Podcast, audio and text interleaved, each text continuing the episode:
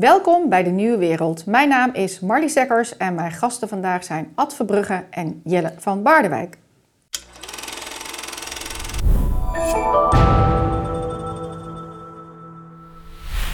Welkom heren.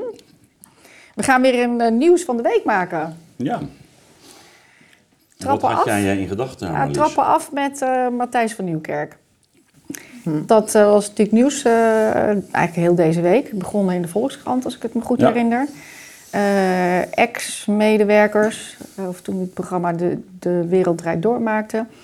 die hadden zich toch ehm, soms gevoeld dat er druk gezet wordt... of agressie was, of ehm, in ieder geval een bepaald soort gedrag... Wat niet Grensoverschrijdend gedrag. Ja, volgens Ja. mij zijn we allemaal nog op zoek naar hoe we dat woord Ja. moeten noemen. Maar in ieder geval, eh, hij heeft gedrag vertoond wat de medewerkers niet als prettig hebben ervaren. Daar heeft hij zelf ook weer op gereageerd. Ehm, Dat is een sappig detail trouwens. want? Nou, eh, hem is dus eh, grensoverschrijdend ge- gedrag verweten en toen mocht hij reageren. En dan heeft hij eerst een reactie geschreven en toen hebben mensen bij de Volkskrant gezegd... ja, dat, is, dat, moet je maar niet doen zo. Dat was een heel verdedigende reactie. Toen heeft hij nog een andere reactie geschreven. Die uiteindelijk daar- geplaatst is. Ja, en de strekking daarvan was trouwens, ik moet wel zeggen dat het een heel mooi geschreven columnachtige reactie was. Vond ik ook. Heeft, heeft hij ook snel gedaan. Dus daar het blijkt wel weer hoeveel talent hij eigenlijk heeft. En eh er is geen mea culpa. Het is meer zo van... ehm, eh, ik ga deze kritiek eh, ophangen als een soort spiegel in mijn werkkamer. Eh, want eh, het is wel een reality check. Maar ik wijs er wel op dat eh, wij echt fantastische programma's hebben gemaakt. En niet voor niks altijd zo goed werden bekeken.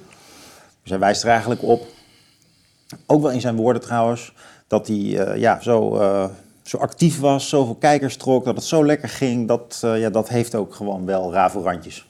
Dus de druk, de stress, het enthousiasme maakte dat hij soms mensen overrompelde. Nou, Maar het verwijt is dat hij mensen bruskeerde en hij trekt dat dus eigenlijk terug als ja, soms eh, eh, eigenlijk, eh, zoals het spreekwoord luidt, het beste paard struikelt ook wel eens. Dat voert hij op als verdediging. Zegt het iets over deze tijd, zeg maar, dat, dat daar nu ruimte voor is? Ik kan me voorstellen, vijf jaar geleden, dat zou niemand daarover geschreven hebben. Want Matthijs was toch een soort heilig. Of men zou twijfelen, klopt het wel wat ex-medewerkers zeggen? Want ja, dan, kan, dan is iedereen zeg maar een target. Want ja, die, de- ze kunnen dan alles zeggen. Nou ja, vroeger, ik weet niet of vijf jaar geleden een goed vergelijkingspunt is, maar er is wel een ontwikkeling nu van, eh, we hebben Ariep, ehm, Mark Overmars, be- belangrijke, machtige mensen die opeens bekritiseerd worden om hun, eh, ehm, ja, eh, Stijl. ja, om hun leeuwengedrag, om hun, ze zitten daar op die rots eh, en ze zijn tevreden ehm, met zichzelf en ze denken van de morele basale regels gaan niet op voor mij. Nou, dat is het beeld wat in ieder geval ge- geschept wordt. Hè? Ja, nou, ik denk dat er ook wel genoeg bewijs is om te zeggen dat de, alle drie deze mensen zich ehm, eh, echt gênant hebben gedragen. Ja, absoluut. Dus ze hebben zeker mensen gebruskeerd. Alleen het beeld wat wordt gemaakt is natuurlijk dat het een soort halve tirannen waren. Terwijl, ik denk dat eh, het beeld van een zonnekoning meer van toepassing is. Ze, ze, ze, ze, over- ze- ze gingen te ver, ja. Grensoverschrijdend. Maar we zijn wel, je vroeg om het tijdsbeeld, hè, we zijn natuurlijk wel minder tolerant geworden voor zonnekoninggedrag. Dus wat wij grensoverschrijdend vinden, dat is iets wat eh, veranderd is. We, Nou, we vinden iets sneller grensoverschrijdend. Het boek van Steve Jobs, weet je, dat, dat wordt eh, heel vaak aangehaald als managerstijl ook. Dat was natuurlijk ook een, eh, hoe moeten we dat dan noemen? Ook een zonnekoning. Eh, maar dat werd gezien van ook, ja, weet je wel, een man met een visie en die wilde het anders en de ploeg één kant op krijgen en met passie. En, eh, Heel erg vergelijkbaar met Matthijs van Nieuwkerk, hoor. ja, de- maar Ja. toen werd dat. Het, dus Ja. het is een tijdgeest hoe ernaar ge- ge- gekeken werd, zo bedoel ik het. Want Ja. toen werd het gezien als van. eh, hij heeft ook eh, ehm, op een gegeven moment een ander pand gehuurd. Heeft hij een piratenvlag eh, o- eh, op, buiten opgehangen. En toen heeft hij met een deel van het team is hij daar gaan zitten. En is die soort alternatieve ehm, eh, plan gaan bedenken, zeg maar. Maar, maar ja, het werd toen toch wel gezien als. Wauw, weet je wel, gewoon gaan voor je droom. Eh, ty- typisch eh, Amerikaans, weet je wel, tegen de gevestigde orde in. En, En dag en nacht werken, eh, niet slapen, doorgaan. Het ja, Elon er gaat Musk ook model. veel eh, agressie soms ook wel, maar ja, dat hoort erbij. Ja. ja, wat mist in dat model is natuurlijk dat we ook eh, vaak mensen toe, di- di- dingen toedichten die ze misschien niet helemaal alleen doen. Hè? Dus Matthijs van Nieuwkerk opereerde ook in een team van ja-knikkers en enthousiastelingen. En dat team heeft hem niet echt weten te beschermen, terwijl hij ondertussen dat team wel op sleeptouw nam. Dus het is een Nou ja, enorme... bij The Voice is natuurlijk ook zo, zo, zoiets, toch? Maar dat is dan grensoverschrijdend gedrag, dat er echt blijkbaar iets gebeurd is. Wie was dat ook alweer bij The Voice? Ja, dat eh, was eh, Ali B, eh, Ja. Marco Borsato. Ja. ehm, Ja, daar zat toch ook een beetje rolproblematiek in. Hè? Dus dat hij vanuit het programma een vrouw had leren kennen. En dan s'avonds laat ging hij eh, ook nog met haar afspreken en bij haar thuiskomen. En dat, eh, Ja, maar het is wel zo. Is er een Matthijs veilige, is er een veilige werkomgeving? Weet Ja. je wel? Dus daar was daar ook de discussie. Is er een veilige werkomgeving? En wat versta je onder een veilige werkomgeving? En betekent dat dat je alleen maar zo'n man die veel aanzien heeft en ehm, de kar trekt, laten we wel zijn. Zo Matthijs van Nieuwkerk is natuurlijk iemand, heeft hij ook al bij het parool laten zien, waar hij eh, de, de, de cultuurbijlage maakte voordat hij eh, de tv-wereld inging. Ja, daar heeft hij ook al heel beslissende eh, wending gemaakt voor het parool. Met, met veel meer lezers en eh, een, een belangrijke katern van gemaakt. Dat betekent, die heeft gewoon heel veel in zijn mars. Alleen dat is iemand waar je dus andere mensen naast moet zetten. Die helpen om eh, als er lading van de kar valt, dat er weer bovenop zetten. En die hem ook een beetje beschermen. Ook tegen zichzelf. In die zin is het ook natuurlijk een groepsinspanning om met elkaar normaal te blijven. Zeker als iemand zoveel kijkers trekt en zo innovatief is. Maar ik denk ook dat dat dat, dat, dat- dat, precies toch de, de kwestie is. Eh, dus aan de ene kant, ehm, eh, ja, of, je- of je hem nou ehm, waardeert of niet, hè, maar hij heeft natuurlijk toch iets neergezet wat ehm, in ieder geval 15 jaar vrij toonaangevend was. Dat, er zat ook iets heel eh, eigenzinnigs in. Het was niet meteen mijn favoriete programma, zal ik je eerlijk bekennen. Maar ik zag ook wel dat het heel eh, knap en, en kundig eh, gemaakt was. Hè. En eh, eh, dat, dat, dat hij daar natuurlijk evident het, het middelpunt in was, dat begrijp je ook. Eh, en dan zie je natuurlijk vaak, en jij haalde die, eh, het geval aan van, van Steve Jobs. Hè. Steve Ja, dat- Jobs dat ik in, en, ja. ja, nou, of, eh, maar Elon Musk, hè, die noemde Ja. jij dan. En ik denk wel dat je, dat je gelijk, en daar doelde jij op, van, je hebt wel gelijk van je hebt op een goed moment natuurlijk wel mensen die zo fanatiek zijn. en eh, dat hoeft niet per se om hun ego te draaien, maar wel eh, om, de, om, om de zaak. Hè, die ze helemaal aller- allerbeste willen hebben, bevlogen inderdaad zijn. Ehm, en waarbij, waarbij je de lat zo hoog legt dat je heel snel ook, ook geïrriteerd raakt. Met name door de druk waar je, waar, waar je onder staat. Van ja, eh, hè, begrijp je het niet? Of, eh, en eh, dus, je, dus dat geldt eigenlijk bij alle vormen van een soort ehm, ja, profielbepalend leiderschap. Gaat dat wordt een cult. Je krijgt iets, iets, krijgt iets cultisch.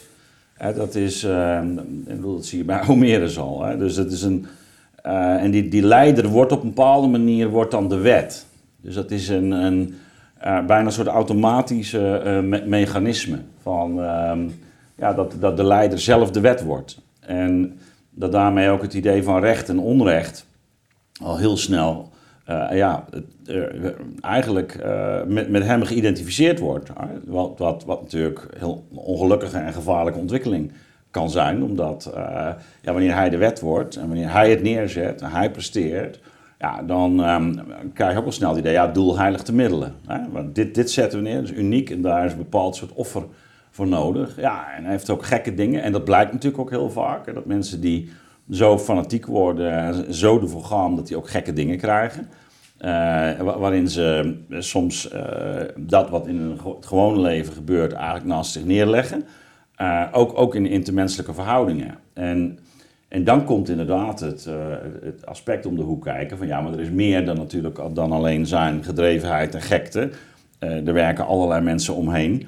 Eh, dan moet je eigenlijk een, eh, een, een redacteur, hoofdredacteur hebben, eh, of iemand van de omroep zelf, die natuurlijk wel signalen oppikt en eh, oog daarvoor heeft. En, en in zekere zin als een soort eh, mentor ook in staat is om te zeggen: ho, ho, ho, weet je, even, even rustig, even kamer eh, apart. Hè, nou, eh, laten we even dit in perspectief eh, plaatsen, dit is niet wenselijk.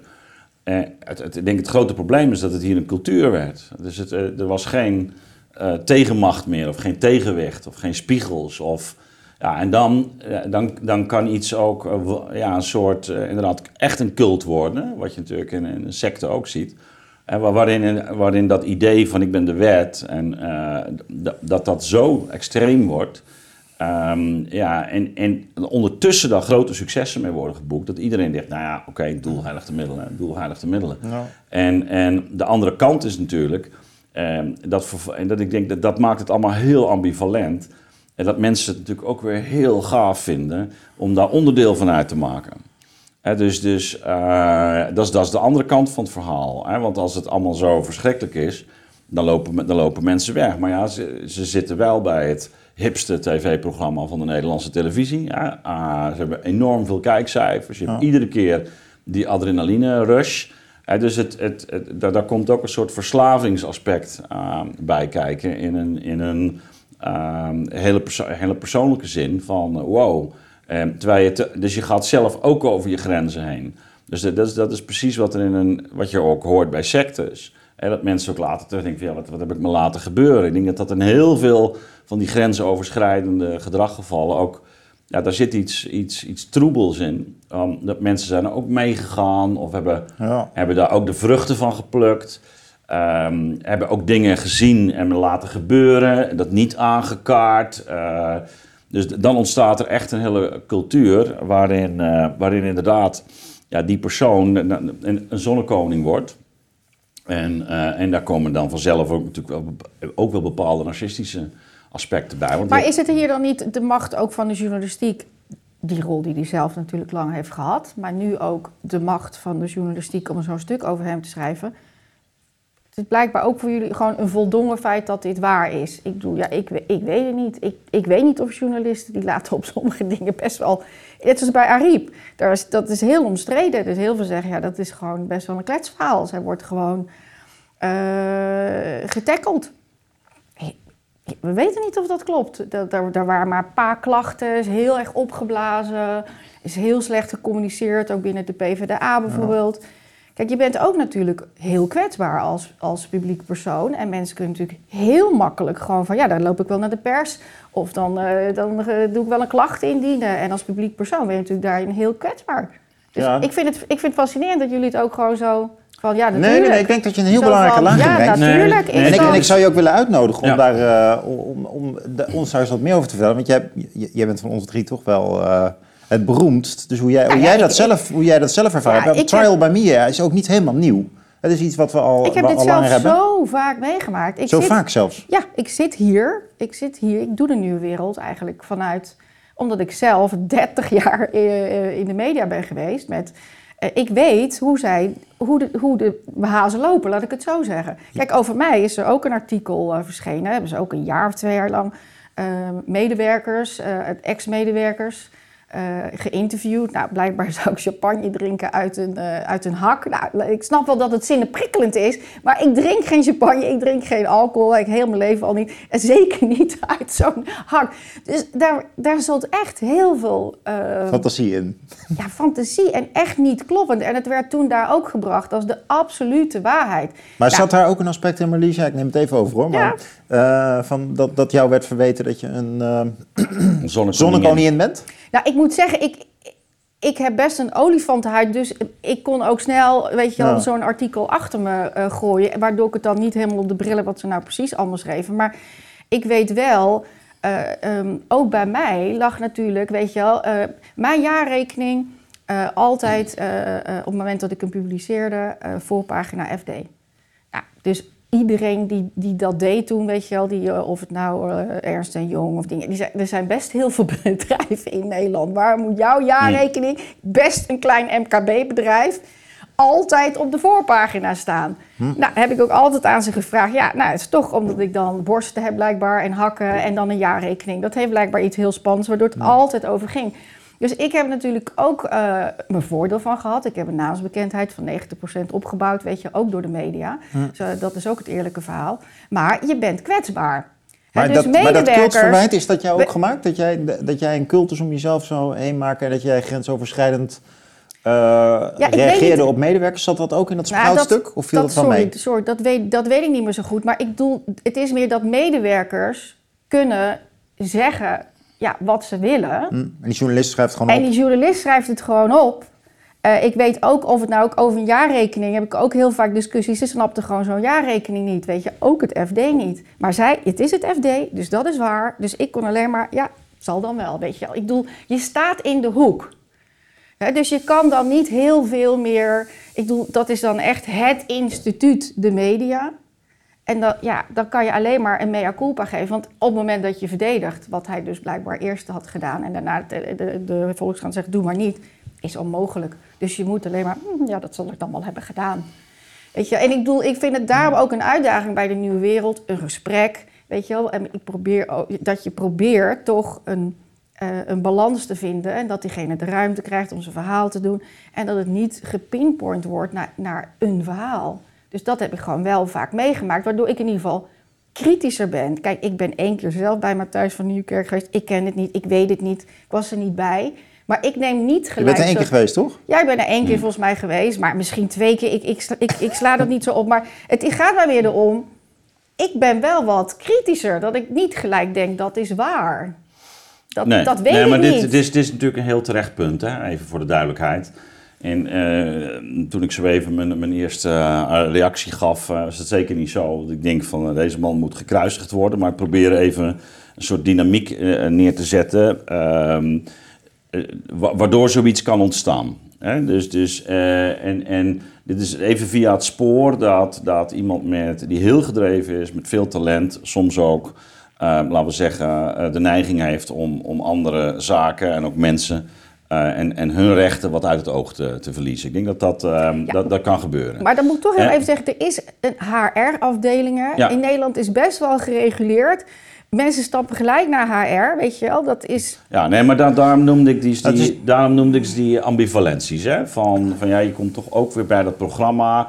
En eh, het is ook iemand met heel veel in invloed en een groot netwerk. Dus, je gaat, dus dat, je, dat je geneigd bent om dat eh, dan, dan maar toch maar even in te slikken. Die begrijp ik dus ook. Maar jouw punt is terecht. Ehm, van ja, maar wat weten we er nou eigenlijk van? Nou, even voor de duidelijkheid, we weten er natuurlijk helemaal niks van. Hè, dus dit, we, we hebben alles uit tweede hand, alles via journalisten. Maar hij is gewoon nu gekruisigd, gewoon forever, Ja, zeg nou, maar. dat, zullen we ook, dat zullen we ook moeten zien. Oh, jullie Mark Overmars zat twee weken later een andere baan. wederopstanding? Ja, Dat sluit ik ook niet uit. Nee, want het, het interessante natuurlijk ook aan dit soort eh, relletjes is ook dat ze, eh, ze kunnen een paar weken meegaan en, en, dan, eh, en op een goed moment, eh, nou ja, ja dan, en dan, dan komt iemand, kan ook weer terugkomen. Nou, hoe dat hier gaat lopen weet ik niet, maar sluit ik ook niet uit. Ik, ik denk niet dat die definitief afgeschreven is voor de Nederlandse televisie. Kan ik me niet voorstellen in ieder geval. Maar, maar even om naar, het, st- naar de structuur. Dus dus eh, dat ook die media daarin een, een hele eigen rol vervullen, ja, dat is duidelijk. Ik bedoel, dat heeft hij zelf trouwens ook gedaan. Hè, beeldvorming. dus dat is bij hem Het is beeld- ja. uitgesproken beeldvorming. En in, hoeva, in hoeverre dat nou schijnbeelden zijn hè, of drogbeelden, ja, de, dat, dat weten we niet. Ehm, eh, maar eh, ik, ik ga ervan uit dat, om maar eens dat, dat spreekwoord te gebruiken, eh, eh, waar rook is, daar is vuur. Hè, of er is geen koezelbond, of er is wel een vlekje aan.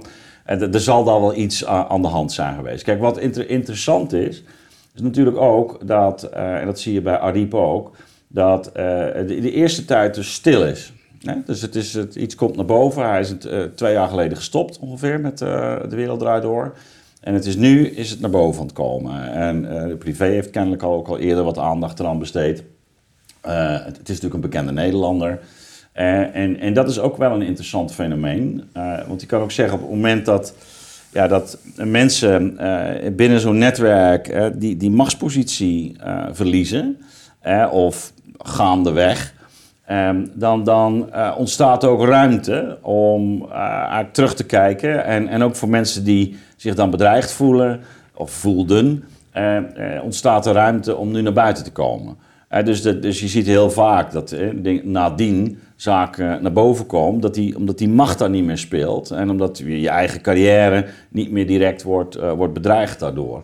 En, en dat, dat, dat geeft tegelijkertijd ook weer een bijsmaak aan het geheel. Want je kan zeggen, ja, wa- waarom is niet eerder eh, dit in, in, eh, in, in gang gezet of opgekomen? Wa- wa- waarom nu? Ehm, en, en dat vind ik ook wel iets wat, ehm, Nou ja, dat heeft het alles met cultuur te maken. en, en met, met wat er binnen zo'n omroep uh, gaande is. En nogmaals, daar vind ik, dat, is eigenlijk wat me het meeste interesseert aan het geheel. van, um, hoe, hoe kan het dat je dus kennelijk een, uh, in een van origine socialistische omroep, waarin men toch voortdurend ook in termen van uh, mensenrechten en, en gelijkheid elkaar de maat neemt. Um, een, klimaat ontstaan waarin uh, ja, je dus niet op het moment zelf ingrijpt. Hè?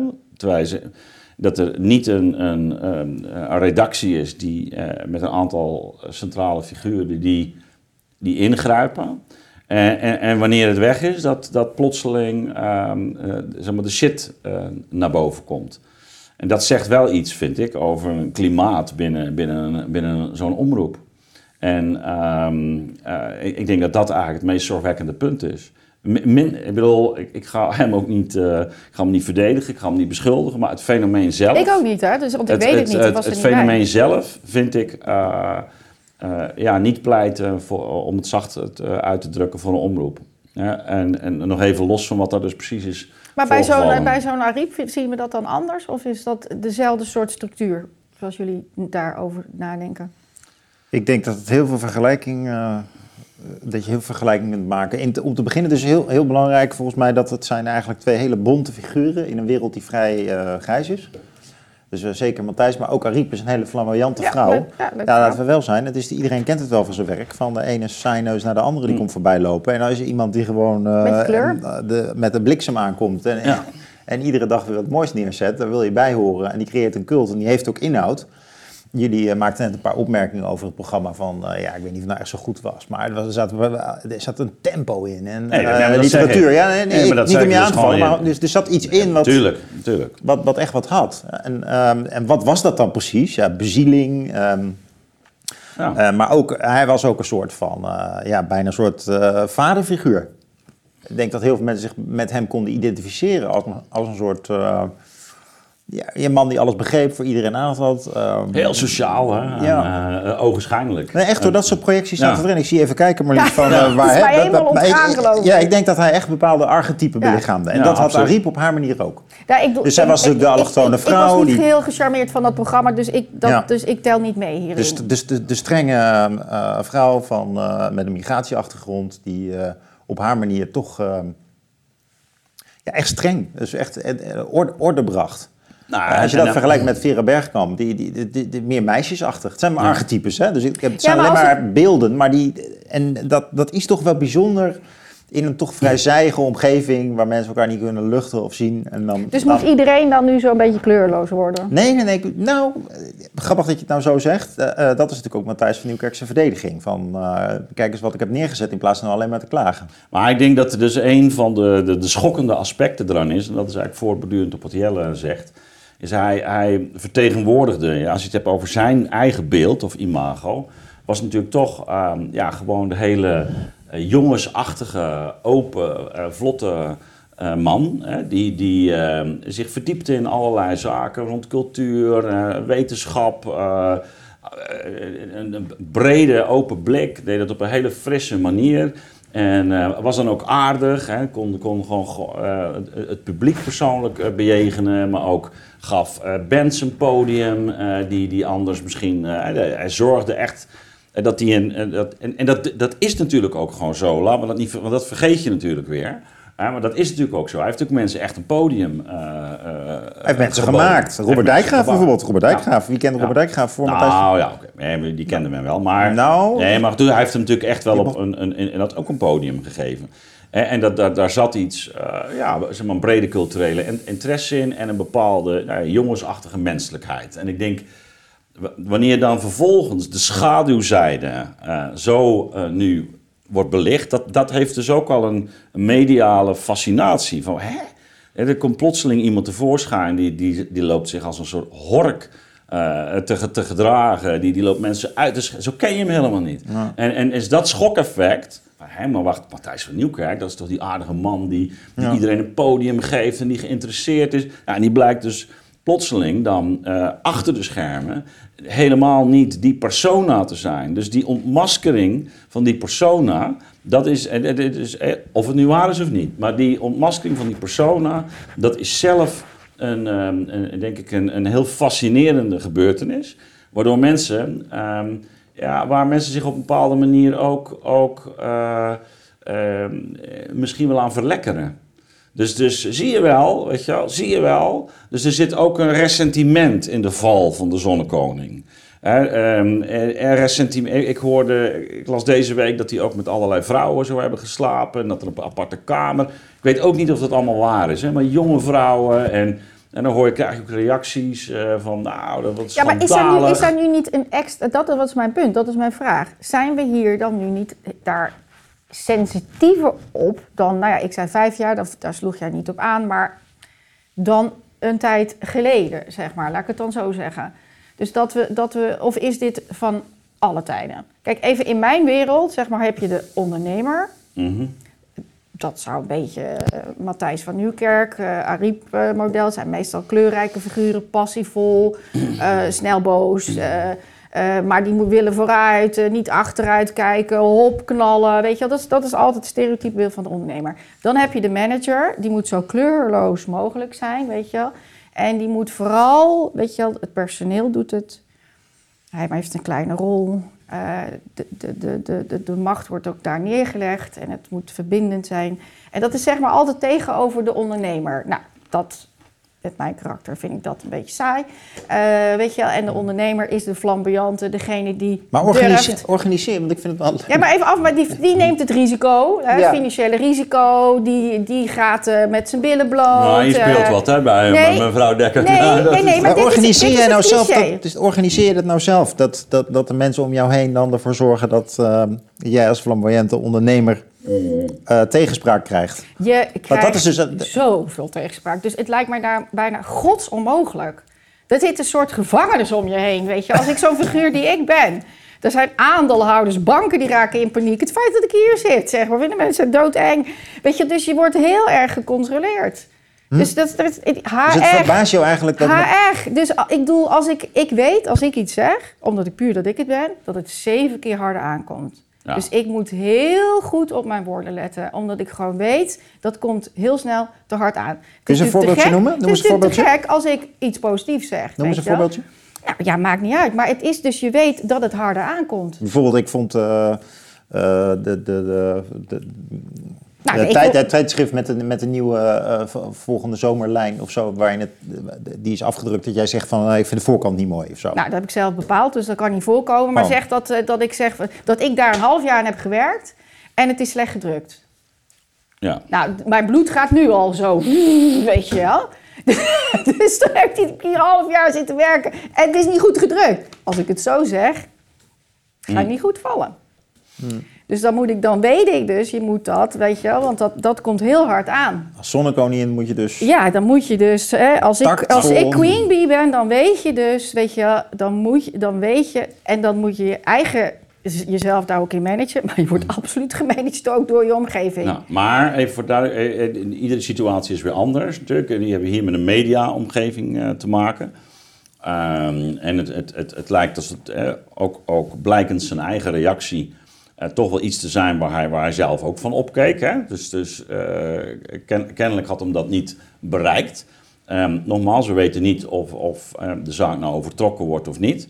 Maar het was niet zo dat hij nou altijd al dit had gehoord. En, nee, dus, dus hij was er erg zelf door verrast. Hè? Dus, dus um, ja, dat, dat zegt in ieder geval iets over zijn eigen belevingswereld. En nou, dan kom ik toch weer terug op dat, op dat punt. Um, kennelijk is er, is er dan bij zo'n succesvol programma uh, toch een cultuur ontstaan waarin uh, die, die, die uitvallen of dat wat er scheef zat, dat dat niet naar voren is gekomen. Terwijl je, en dan kom ik weer terug, wij, als publiek zien dus die voorkant en we zien niet de achterkant. En dat geldt natuurlijk ook in, in persoonlijkheden. Dus, dus en je zegt van, is dat iets van deze tijd? Nou, ik denk op een bepaalde manier is van alle tijden. Ik bedoel, Hegel die heeft het al over... Um, eh, de kamerdienaar en de held. Hè? Dus het, het, verschil tussen hoe de kamerdienaar naar de held kijkt en hoe het volk naar de held kijkt. En die, die kamerdienaar die zegt, ja, die moet ook gewoon naar de wc. Je moet kijken hoe chagrijnig die is. En, uh, En, en je moet dat soort zaken wel heel goed scheiden. Van, van wa- wat iemand dan doet in die publieke ruimte, is ook inderdaad onderscheiden. Ik denk wat je van, van, van wat hij thuis doet. En, en met juist het personaliseren van leiderschap en met het openbreken van het private en het publieke. eh, Is, vinden we dat steeds moeilijker. Dus je zegt van nee, maar eh, dit klopt niet. Hij, het is een vriendelijke man eh, die, die altijd heel vlot is en zo. En nou blijkt dus achter de schermen en, en, en privé blijken er eigenlijk allerlei dingen niet te deugen. En, en dat is nee, maar dat kan niet. Dus dat, dat kan absoluut niet. En nou ja, dat is dat, dat, ik denk dat dat wel de grote verschuiving is. Waar we al decennia in zitten. Want het is ook met televisiedominees gebeurd. Al in de, eh, Zou het de- met de- Willem Bruis zijn gebeurd? Ook een flamboyant figuur? Voor, voor, voor de jongere kijkers weten niet nou, daar, kwam ook veel eh, over naar buiten. hè? Daar kwam ook veel over naar buiten. Maar er zijn wel dingen veranderd. Hè? Dus bijvoorbeeld ehm, ehm, eh, eh, tien of zeg twintig jaar geleden en je, je, je solliciteerde als jonge vrouw en er zat een man in de commissie en die zou een opmerking maken over je uiterlijk. Zo van, nee, wat leuk heb je voor ons aangekleed. Hè? Dat, zou, eh, dat gebeurde nog.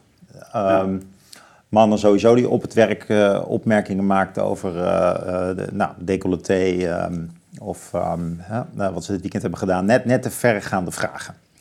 Eh, en, eh, of, of van die dingen als, eh, oh, ben je nog niet zwanger? Eh, wil je nog geen kinderen? Of heb je geen vriendje? Van ongepaste vragen in, eh, in ver- verhoudingen tussen eh, manager en secretaresse of zoiets. Dat was eigenlijk vrij normaal. En we zien dat zeker sinds MeToo, dat is nog niet zo lang geleden, dat is een, een Flinke correctie. Ja. Sinds 2016 zijn we daar dus Ja. veel intoleranter op geworden. En dat betekent ook dat een hele laag van het eh, gedrag van Matthijs van Nieuwkerk, dat hij waarschijnlijk niet problematisch vond, nu opeens eh, terugkijkend wel eh getaboeiseerd kan worden. Maar dat toen voor een deel ook nog niet was. Bijvoorbeeld dus rondom de verhouding man-vrouw. En daar zie je dus een verstrenging optreden. En dat is een, een dimensie. Er zijn er denk ik wel meer te noemen. Ja, maar ik denk dat het lastige is in zo'n situatie. Ik, ik ga toch, eh, dat is no- nogmaals, dat is niet om hem vrij te pleiten, maar het is wel, het, het, ontstaat een cultuur. En ehm, daarin is hij niet de enige actor. Nee, maar zo dus- bracht dus- ik ook zelf meteen in. Dat is natuurlijk. Dat is, eh, dus, en, en, eh, en dat geldt ook voor hè, dus die kwesties bijvoorbeeld met eh, dat misbruik van eventueel van zijn machtspositie. Of hoe die met vrouwen het bek- bed in is gedoken. Ja, dat is natuurlijk niet alleen iets wat van Matthijs van Nieuwkerk uitgaat. Dat is dus een, een soort een aura die, dat, dat, wat om zo'n man heen ontstaat. Hè, wat, wat dus ook eh, bepaald gedrag bij mensen oproept. Hè? Dus, dus die daar soms zelf weer voordeel bij hebben. Ja. Hè? Dat geldt ook voor bepaalde artiesten of vrouwen. Die denken van, nou ja, weet je wel, dan kan ik misschien in het programma komen. En, ehm, en wij gaan nu zeggen, oh, wat is een vieze kerel en die manipuleert. Maar eh, nee, het is, een, het is dus eigenlijk een, een soort, soort spel wat daar ontstaat. En een sfeer en een atmosfeer. Eh, wa- waarin, waarin hij gewoon een, een, natuurlijk een, een centrale rol vervult. En ook in die zin wel een hele bepalende verantwoordelijkheid heeft. Maar je hebt eigenlijk mensen om je heen nodig. Ja. Die, die, je, die je terug op de, op de grond plaatsen. En, Ja, en dat en- is dus gewoon niet, niet gebeurd. Eh, eh, ervan uitgaande dat, er, dat er die misstanden dan, eh, dan zouden kloppen. Eh, maar eh, ik, ik denk dat er wel een kern van waarheid in zit, eh, gezien de... Nou, zullen we naar het andere volgende onderwerp gaan? Of... Ja, oh, ja, ja. er komt nog wat extra Ah, kijk, we krijgen nog wat wijn. Oh, kijk, kijk aan. Dat is een mooi moment. Ja, dat is eh, jouw, jouw laatste eh, bezoek hier. Ah, oh, we kunnen hem zelf openmaken. Zeg. Nou, dat, dan zal ik het dan maar even ondertussen Dank je, doen. Dank je wel. Ja. Ja, ik denk dat ook in de, eh, in de bedrijfsethiek wo- wordt ook wel benadrukt dat de bedoeling is dat een CEO, van eh, bijvoorbeeld iemand als Karel Vuursteen is een zo'n voorbeeld van zo'n eh, CEO die dan ook zelf zeg maar, een soort brandweerkorpsje om zich heen georganiseerd had om de brandjes te blussen die hij zelf veroorzaakte. En dus je moet ook op een gegeven moment tot het besef komen, als je eenmaal dus een belangrijke positie hebt, dat andere mensen je uitleggen van, eh, ja, je maakt... Misschien, misschien moet er dus wat minder brand komen. Nou, Nou, je, maar, je- of je moet zorgen in ieder geval dat er mensen om je heen zitten die dit, kunnen, eh, Dat- dit, voor jou kunnen opvangen. Dit is zo, zeg maar, zeg maar over leiderschap, leiderschap, Ja. leiderschap cursussen. Iedereen krijgt een kleur binnen het MT. En of dat wel allemaal goed uitgebalanceerd Ja, is. blauw dit, is of- dit is zeg maar allemaal zo al... Nou, ik vind bijna doodgekoud, zeg maar. Ja, en Dus toch... en dit is zo, zo we hebben dat zo op de bril. En natuurlijk kunnen daar misstanden eh, ontstaan. Je zou nog kunnen zeggen in de glitter en de glamour, weet je wel, misschien dat het daar dan net door de uitvergroting van, van de media, zeg maar, nog net wat, wat ehm, ehm, ja, Ja. minder controlerende. Ja, eh, Controleerbaar is. minder controleerbaar is, omdat daar inderdaad dan toch een soort afrodisicum in speelt, Ja. of, of die, die On- uitvergroot is. on- onderschat Zou dat kunnen. niet, hè? Onderschat dat niet. Onderschat het, Ja. ik, dat onderschat ik zeker niet. En ik ken die wereld ook. Maar ik ken, Ja. ehm, ik weet ook hoe bedrijfsethiek, zeg maar, gewoon wel ook in het bedrijfsleven in Nederland gewoon heel erg speelt. En ja, ik kan toch ja, ook bij Ja. zo'n Tweede Kamer, bij Ariep, ik bedoel, daar zijn zoveel verschillende verhalen van. Dus eerst was zij gewoon, ja, werd er dan heel positief over gesproken. En in één keer, weet je wel, de, wordt, wordt, ze gewoon ja, echt letterlijk afgevoerd, weet je wel. Dus Ja. niet eens meer, ik bedoel, ook Maar Den Haag is dan ook weer typisch een slangenkeel. Hè? Dus Ja, de, maar me- de media ook- staan erom bekend, maar Den Haag heeft weer een eigen dynamiek van persoonlijke uitvergroting en ook Ja. uitvergroting. Nou, dat is wat de media heel erg doen. Een paar jonge journalisten die dan zeggen... ik zet daar eens even de schijnwerpers op. Ik plaats daar de luidspreker bij. Terwijl, ehm, Ja. Ja, dus het, dus het is ook wel in het belang van hun eigen nou, blaadje, omroep, krantje, Ja, maar dat, ze- dat zei ik. Dus de, de aantrekkelijkheid om eh, de vlotte, aardige, ehm, eh, bezielde eh, jongen de- van notabene in in de 50 en inmiddels 60, om die nu plotseling in een ander licht te zetten, dat is zelf al heel enerverend. En daar, daar hoort dus ook weer een soort, ehm, ja, wat Nietzsche noemt het ressentiment. Hè? Dus ook, ook van, eh, nou weet je wel, we gaan, we gaan ook laten zien dat hij eigenlijk maar een, eh, een klootzak is.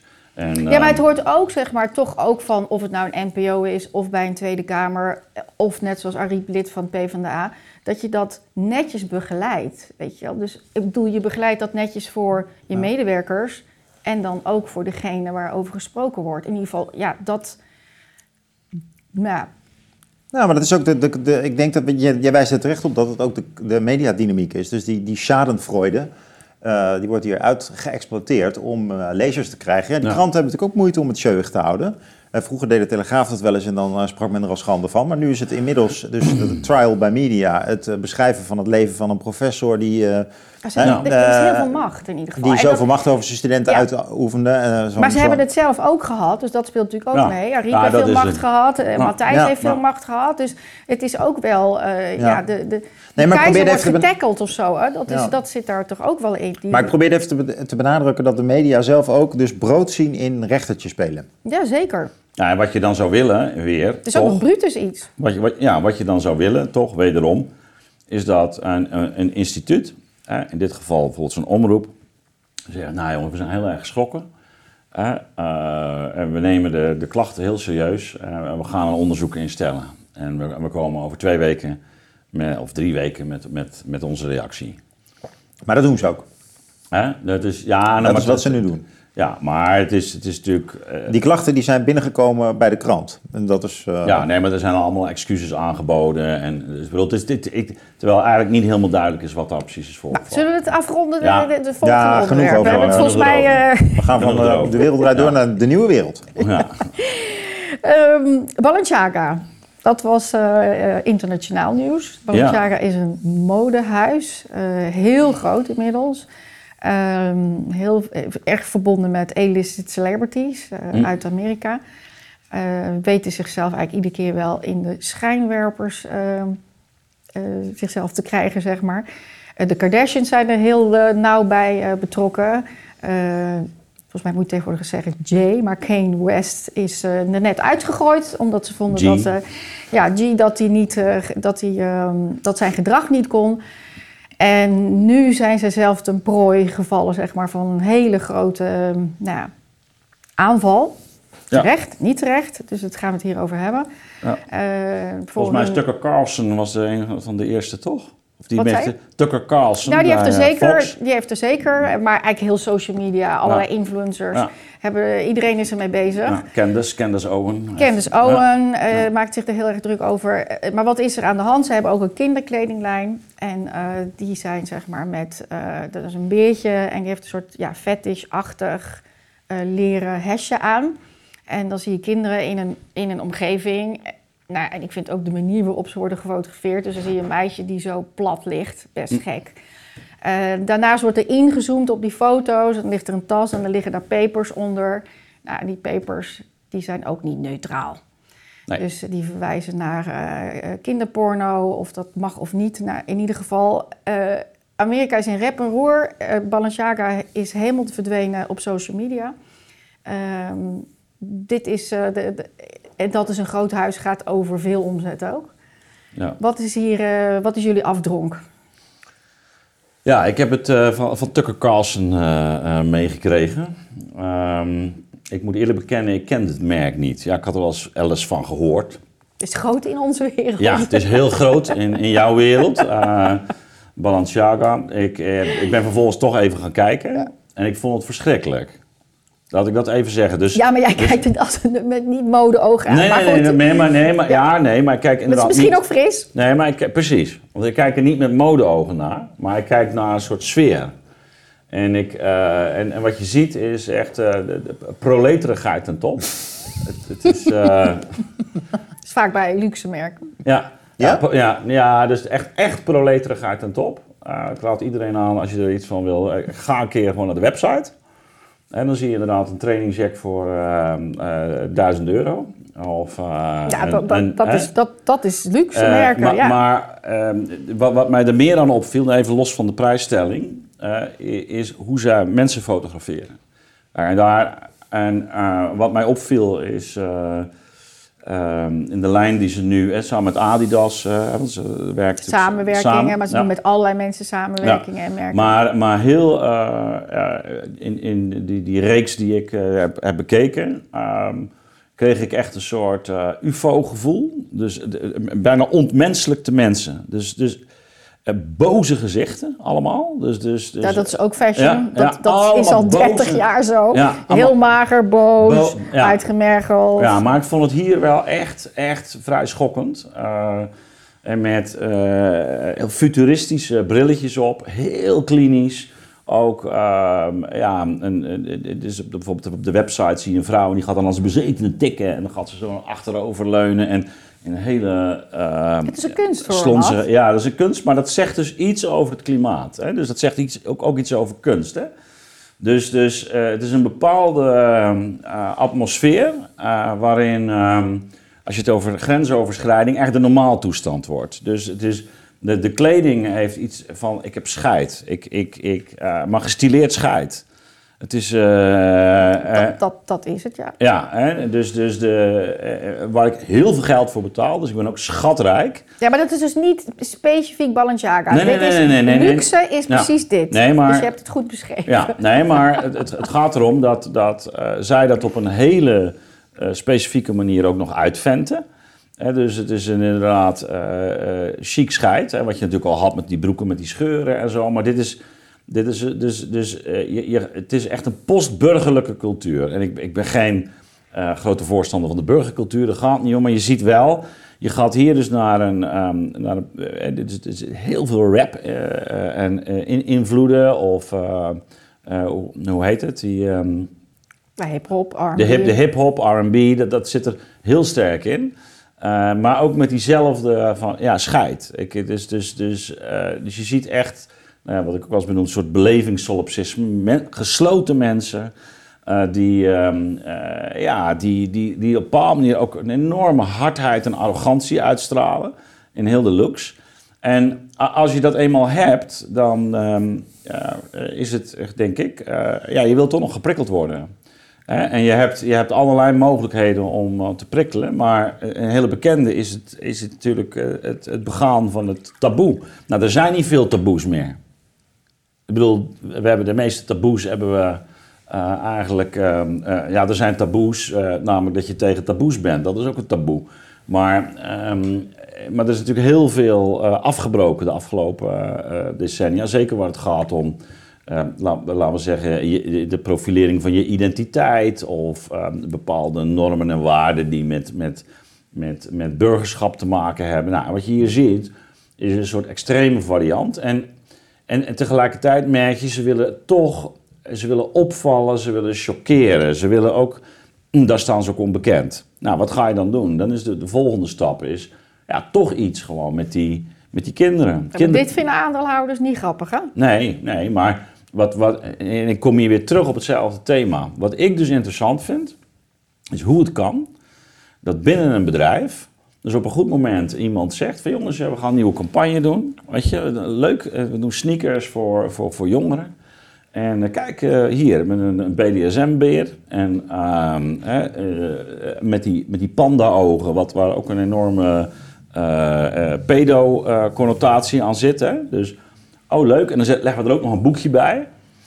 En, dat je, en je ziet dat kind, kijk... Ja, maar het in- verwijst allemaal wel echt naar specifiek Nee, kinderporno, absoluut. hè? Dus ja, is nee, het verwijst naar kinderporno. Het, is echt, het Het is, verwijst naar kinderporno. Dus je, maar dat, met, met diezelfde klinische hardheid. Dus ik zie er een lijn. Ik zie dus een, een soort klinische hardheid. Alleen die nog een beetje, die, die nog een beetje eh, sappig wordt, of juicy.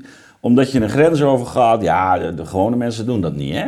De gewone mensen die, die, die gaan niet met... eh, dus, en die grens pakken ze. Dus die gaan ze, die gaan ze over. Eh, dit hebben ze natuurlijk niet verwacht. Maar het, wat, wat mij dus interesseert is hoe het kan dat, dat er een fotograaf komt met een... eh, nee, je weet hoe het werkt. Hè, ja, met dit, een dit, promoteam. dit, dit doet art En- director. en die- dit, is aarde- mijn, dit is mijn, die- mijn job, Maar, zeg die, die, dat komt natuurlijk gewoon in de, bij de boord terecht. Nou, die zegt, ja, dat lijkt me wel een goed idee. Dus de... Nou ja, dat- dus, dus hier zou ik heel even met Jelle willen doorgaan. Want Oh, ik dacht, je, gaat nu, eh, ben je je bent zo persoonlijk bezig namelijk vanavond. Nee, ja, dus nee, ja, dat- je gaat even wat delen over hoe jij daar... eh, Nee. Nee, maar mag ik even afronden, Marlies, want dan, ga, dan ga, hou ik mijn mond weer. Wat ik dus interessant vind, is dat dus eh, kennelijk binnen zo'n eh board dus niet meer de sensitiviteit bestaat. Eh, mogelijk vindt men het nog wel leuk of prikkelend ook, wie zal het zeggen. Maar in ieder geval van wacht even, we gaan, dit kan helemaal niet. Dit is zo pervers. Dit, dit doen we dus niet. Die zegt ho. Dus dat kan alleen binnen een cultuur waarin dit ook is genormaliseerd. En ik denk dat daar de enorme agressie vandaan komt van ja, maar dit, dit is ziek. Dit nee, is ja, ziek. dat, eh, ik, ik doe, dit, was, dit was maar duidelijk. Dus daarom wilde ik dus toch naar Jelle. Omdat ik denk, en dat is een beetje jouw onderwerp inmiddels geworden hier, dat dit door de boord is gekomen door een heel erge woke perspectief. Ja, dat klopt. En dat is zeg maar, dat is waarom, want dit zou onmogelijk er doorheen gekomen zijn, behalve als er, als er die gedachte is. Ja. En, en dit, dit is nu, vind ik, voor mijn gevoel wat bij MeToo toen was met eh Weinstein, dit is zo groot. Dus dit is van dat een board dit niet heeft gezien, zeg maar. En dat er dus niet de check and balances, was eigenlijk ook het thema van ons eerste. Hè. Waar zijn de check and balances? Zitten die goed? Ja.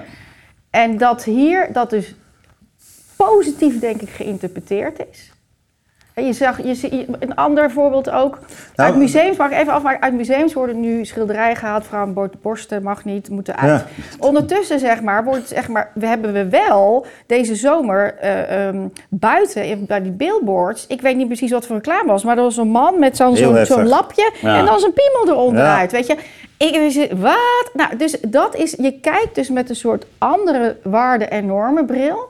En dat is voor mijn gevoel ook bij deze campagne is dus ingeschat gewoon volle bak woke. Dus goed, perfect. En dat dat dus hier iets niet goed uitgelezen is wat er in de maatschappij dan toch gepakt wordt. Ik had ook gedacht dat de maatschappij wel meer op tilt zou zijn van zo'n billboard. Nou, ik vind het een mooie, mooie aanzet tot een, of een mooie duiding hoor van je. Dus de, eh, twee, twee dingen om het eh, wat aan te vullen. Ehm het eerste is dat eh, zeg maar onder invloed van de woke-idealen zijn kinderen de laatste jaren gewoon meer en meer geseksualiseerd geraakt. Alleen op een heel dubbele manier. Want de kritiek was juist steeds van we denken te veel in, eh, nou, bijvoorbeeld bij de HEMA, eh jongenskleren, meisjeskleren, blauw-roze. Eh, maar in een soort kritiek eh, zijn ze eigenlijk doorgeschoten en hebben ze nog meer benadrukt eigenlijk dat eh, kinderen eh, of dat mensen seksuele wezens zijn, seksualiteit hebben en dat dat steeds vroeger eigenlijk is gaan begin, beginnen, terwijl dat, daar hadden ze ook op een bepaalde manier kritiek op. Dus dat is het hele dubbelzinnige aan. We hebben hier laatst een gesprek gehad met, met iemand die had ook forse kritiek op, op de, de nieuwe trans, transgender wetgeving. Hm. En eh, van haar begreep ik ook dat eigenlijk in Nederland nu ook al de discussie aan het ontstaan is. Vanaf, vanaf 12 jaar is er eh, de mogelijkheid om in ieder geval ehm, met de instituten, met eh, zorgverleners en artsen te praten over de mogelijkheid om dus van man of vrouw te veranderen. En dus naar, naar zo'n vol, penis te gaan. Gemaakt van darmen en zo. Daar sprak ze allemaal heel uh, uh, viezig over, zal ik maar zeggen.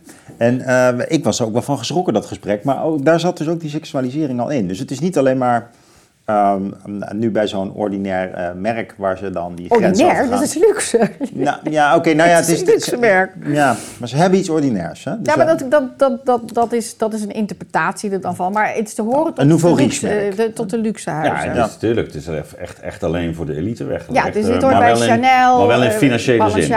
Weet je wel. Dus het, het is, maar dus de, de, uh, de onschuldigheid van de vroege jeugd, uh, dat, dat kinderen nog niet uh, wel met... Um, uh, in een volwassen wereld leven, maar nog niet uh, met seks bezig zijn, ook nog niet zijn geseksualiseerd.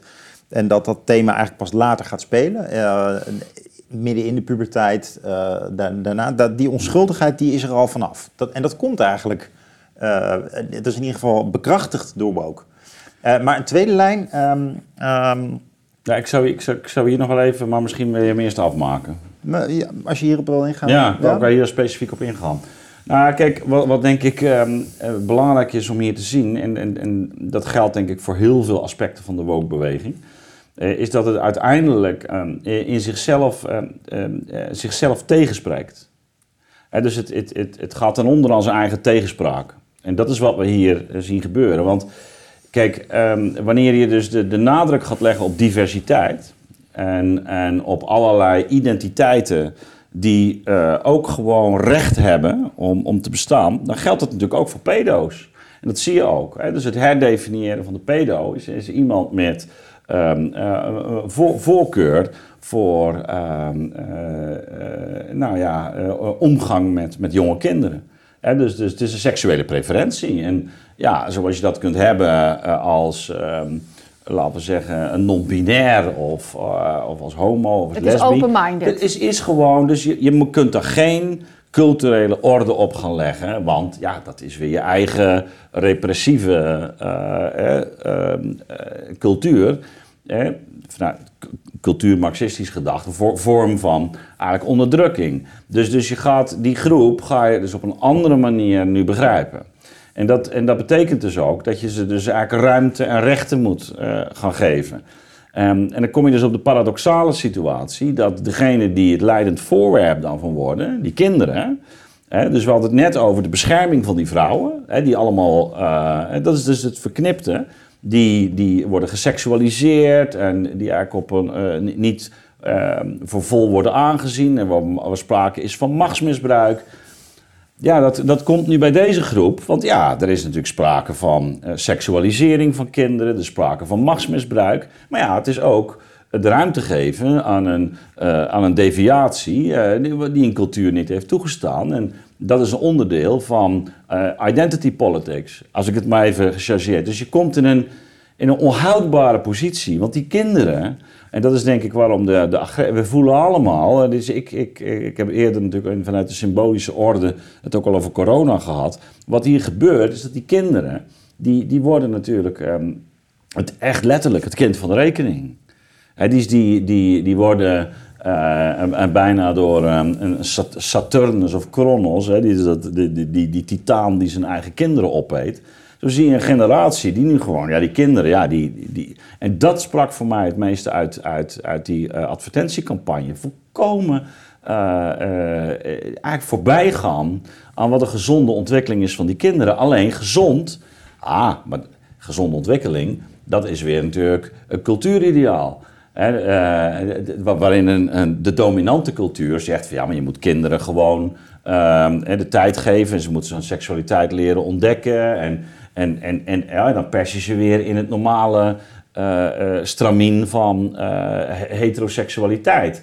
Dus ook daar zie je dat, dat zo'nzelfde manier van denken ook kan zeggen, ja, god, die kind... En dat, dat is overigens iets wat we in begin jaren zeventig ook hebben gezien. Hè? Dus waren, zelfs PSP was toen ook voor, ja, toch, toch ook, ook een vorm van legalisering van pedofilie. En dat zie je, dat, dat, dat is een consequentie van, Van die eh, gedachten. Van, van die gedachtegang. Waarbij die kinderen, dus eh, eigenlijk, ja, die moeten het maar gewoon over zich heen laten komen. Maar dat is en dat, zie je dan. Ja, dat, dat was ook wat wij bespraken in dat gesprek over transgender. Dus als die wet het doorkomt in Nederland ook, dan kan iedereen kan zeggen ik ben man of vrouw. Maar zeg dat jij zegt ik ben vrouw, dan mag je dus ook in de kleedkamer.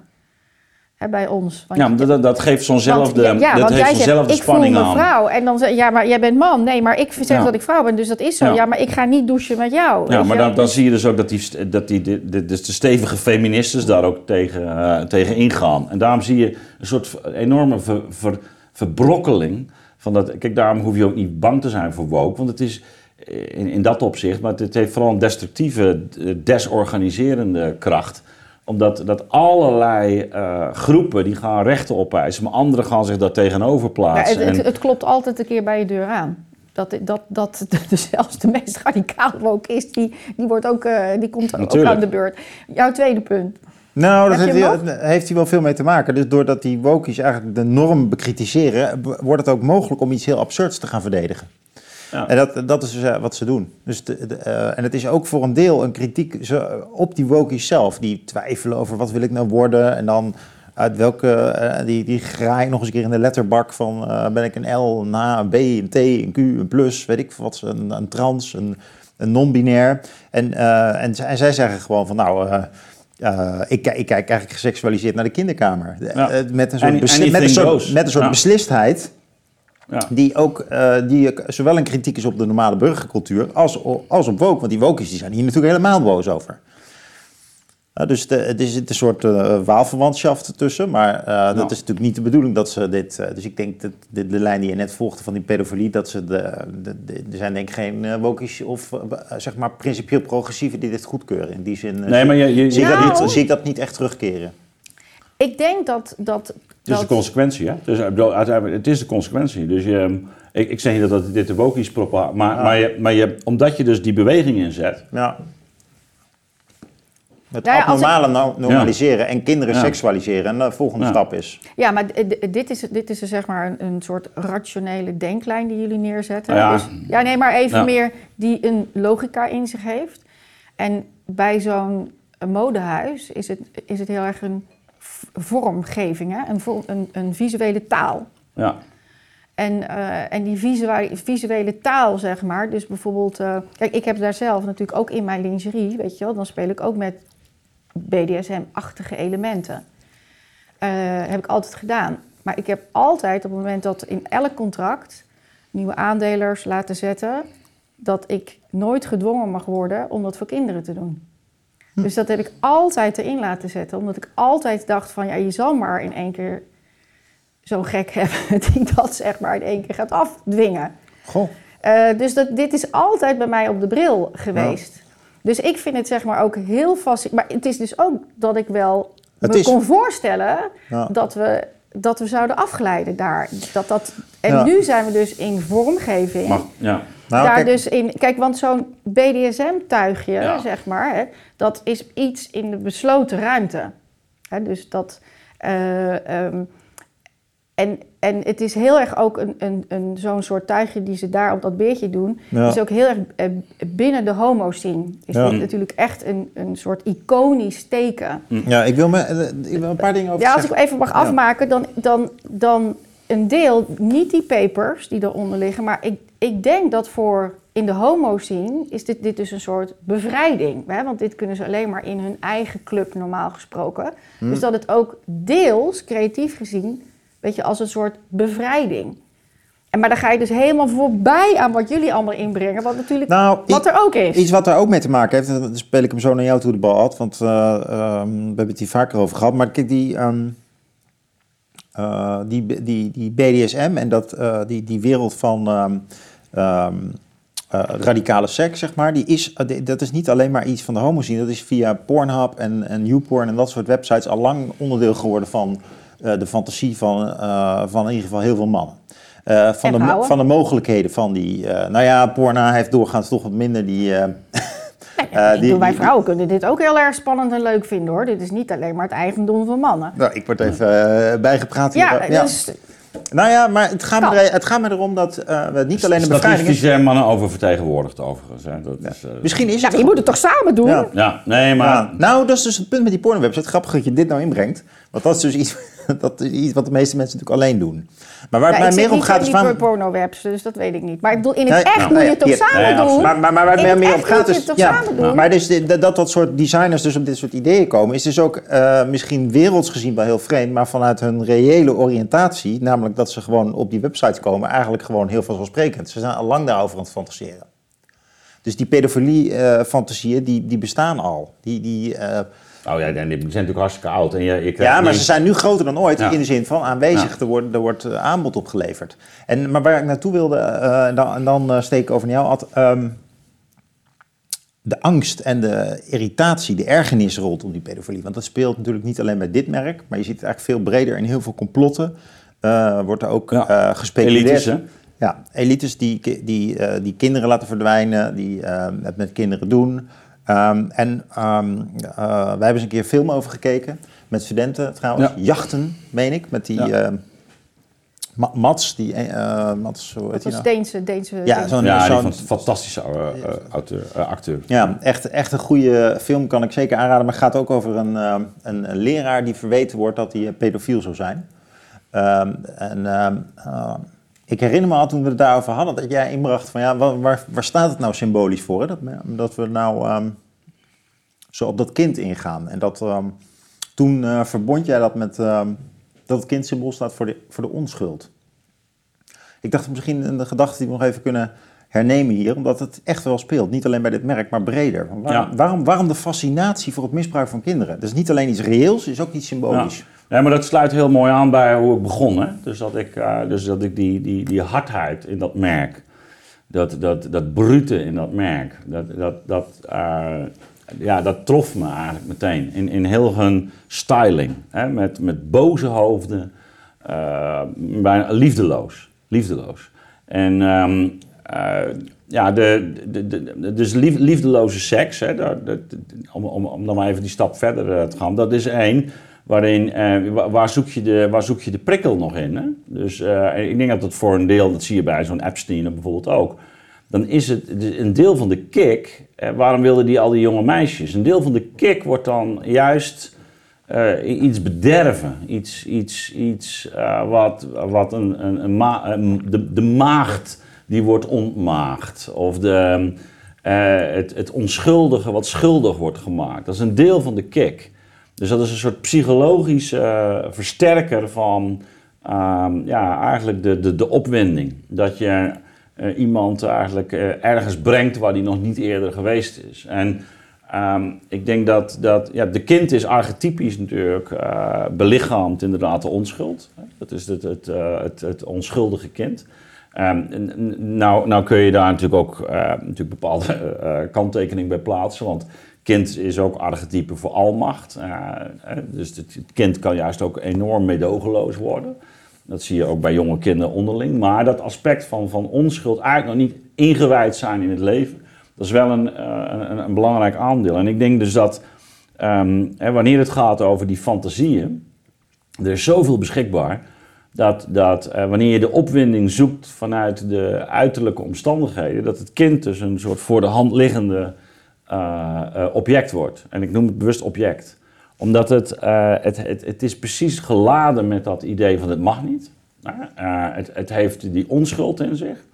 Eh, en daarmee, eh, en, en je komt zelf in een, in een eh, enorme machtspositie, maar je gaat de grens over die maatschappelijk niet is toegestaan. Dus, dus, dus je gaat het taboe in. En ik denk dat dat dus voor. Ik sluit ook niet uit dat, dat, dat er inderdaad een elite is eh, van, van net, netwerken. Nou, die netwerken zijn er sowieso. Maar die, die daar een, een, bepaald, een bepaalde kick aan ont, eh, ontlenen. Ja, En- daar wordt dus, ik bedoel, dat was dus de volgende laag. Jij verwees daar Ja. ook al naar. Dus mijn eerste was woke. Maar de tweede laag, door die papers daar neer te leggen, waar dat boek op, of die tas op ligt, wat gewoon verwijst naar dat, volgens mij verwijst naar dat, dat kinderporno verboden wordt Mhm. en dat ze daar dus eigenlijk dan, dat ze dat niet willen. En er is bij de vrouw in de campagne dat de vrouw een jas eh, verkoopt, ver- staat daar een boek, heel prominent. Ja, dus internet gaat helemaal los dat dit regelrecht verwijst en Hmm. eigenlijk omarmt die elitaire club die dus doet aan kindertrafficking. Ja. Nou, En dat is een hele heftige, ja. Aantijging ook, hè? Hele heftige aantijging. Maar dat is nu wat wel heel erg rond, rondzoomt. En ja, Nou, je zou je kan, het is ook heel moeilijk om hier nog te zeggen... nee, dat was toch niet waar. Maar ze Nou, hebben alles je- komt, je, komt hier, je, raakt hier ook aan een heel eh, fundamenteel punt. Want er is natuurlijk nu met virtual reality... kun je natuurlijk heel makkelijk kunstmatige kinderporno maken. Mhm. En daar heb je geen reële kinderen meer voor nodig. Ehm, en daar is volgens mij... Ik meen dat dat ook eh, mogelijk is nu. Ik, ik hou me te goede. Maar dat, dat is een debat. Elon Musk heeft vast een bedrijf Nee, dat dus, dat dus, soort beelden aanlevert. Nou, Nee, dat- nee, dat nee, denk nee, ik nee, nee, maar dit is, dus, dit is echt wel een... eh, ik, ja. ik, jammer dat ik dat niet uitgezocht heb. Van, laten we dat nog even... Maar, maar goed, misschien moeten we iemand hebben die dat nu even opzoekt. Dat zou fijn zijn. Maar da- daar is, ik weet dat er een debat over is. En dan kom je dus op het niveau van... ehm, is het, mag je bepaalde beelden hebben?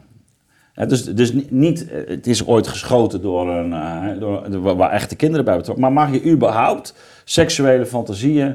Dus, dus, Een beetje eh, op- 1984, mag je dat denken? ja, maar, maar dus ook produceren. Dat ik gewoon kinderen gewoon afbeeld. Waar, waar- want dan kom je natuurlijk op een... Ik zeg, ja, er wordt er Oh, je bedoelt niet alleen gedachten, dus het wordt ook echt gecreëerd. Alleen, ja, alleen niet met echte kinderen. Maar met mag- tekeningen mag of niet. met...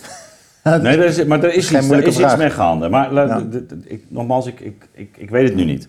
Maar ik kom op die gedachten nu. eh. Ja. En ik denk dat ehm, eh, dit, dit zit ook op dat niveau van... eh, je ziet dus iets in beeld waar die suggestie wordt gewekt. En ik, ik, ik, je merkt hè, dat eh, je raakt daarmee een hele fundamentele laag. En vandaar ook die heftigheid van zo'n Candace Owen, en, maar ook heel veel mensen. Ja, mensen zijn woest. Hè, mensen zijn woest, omdat eh, bijna het laatste bastion van onschuld wordt daar genomen.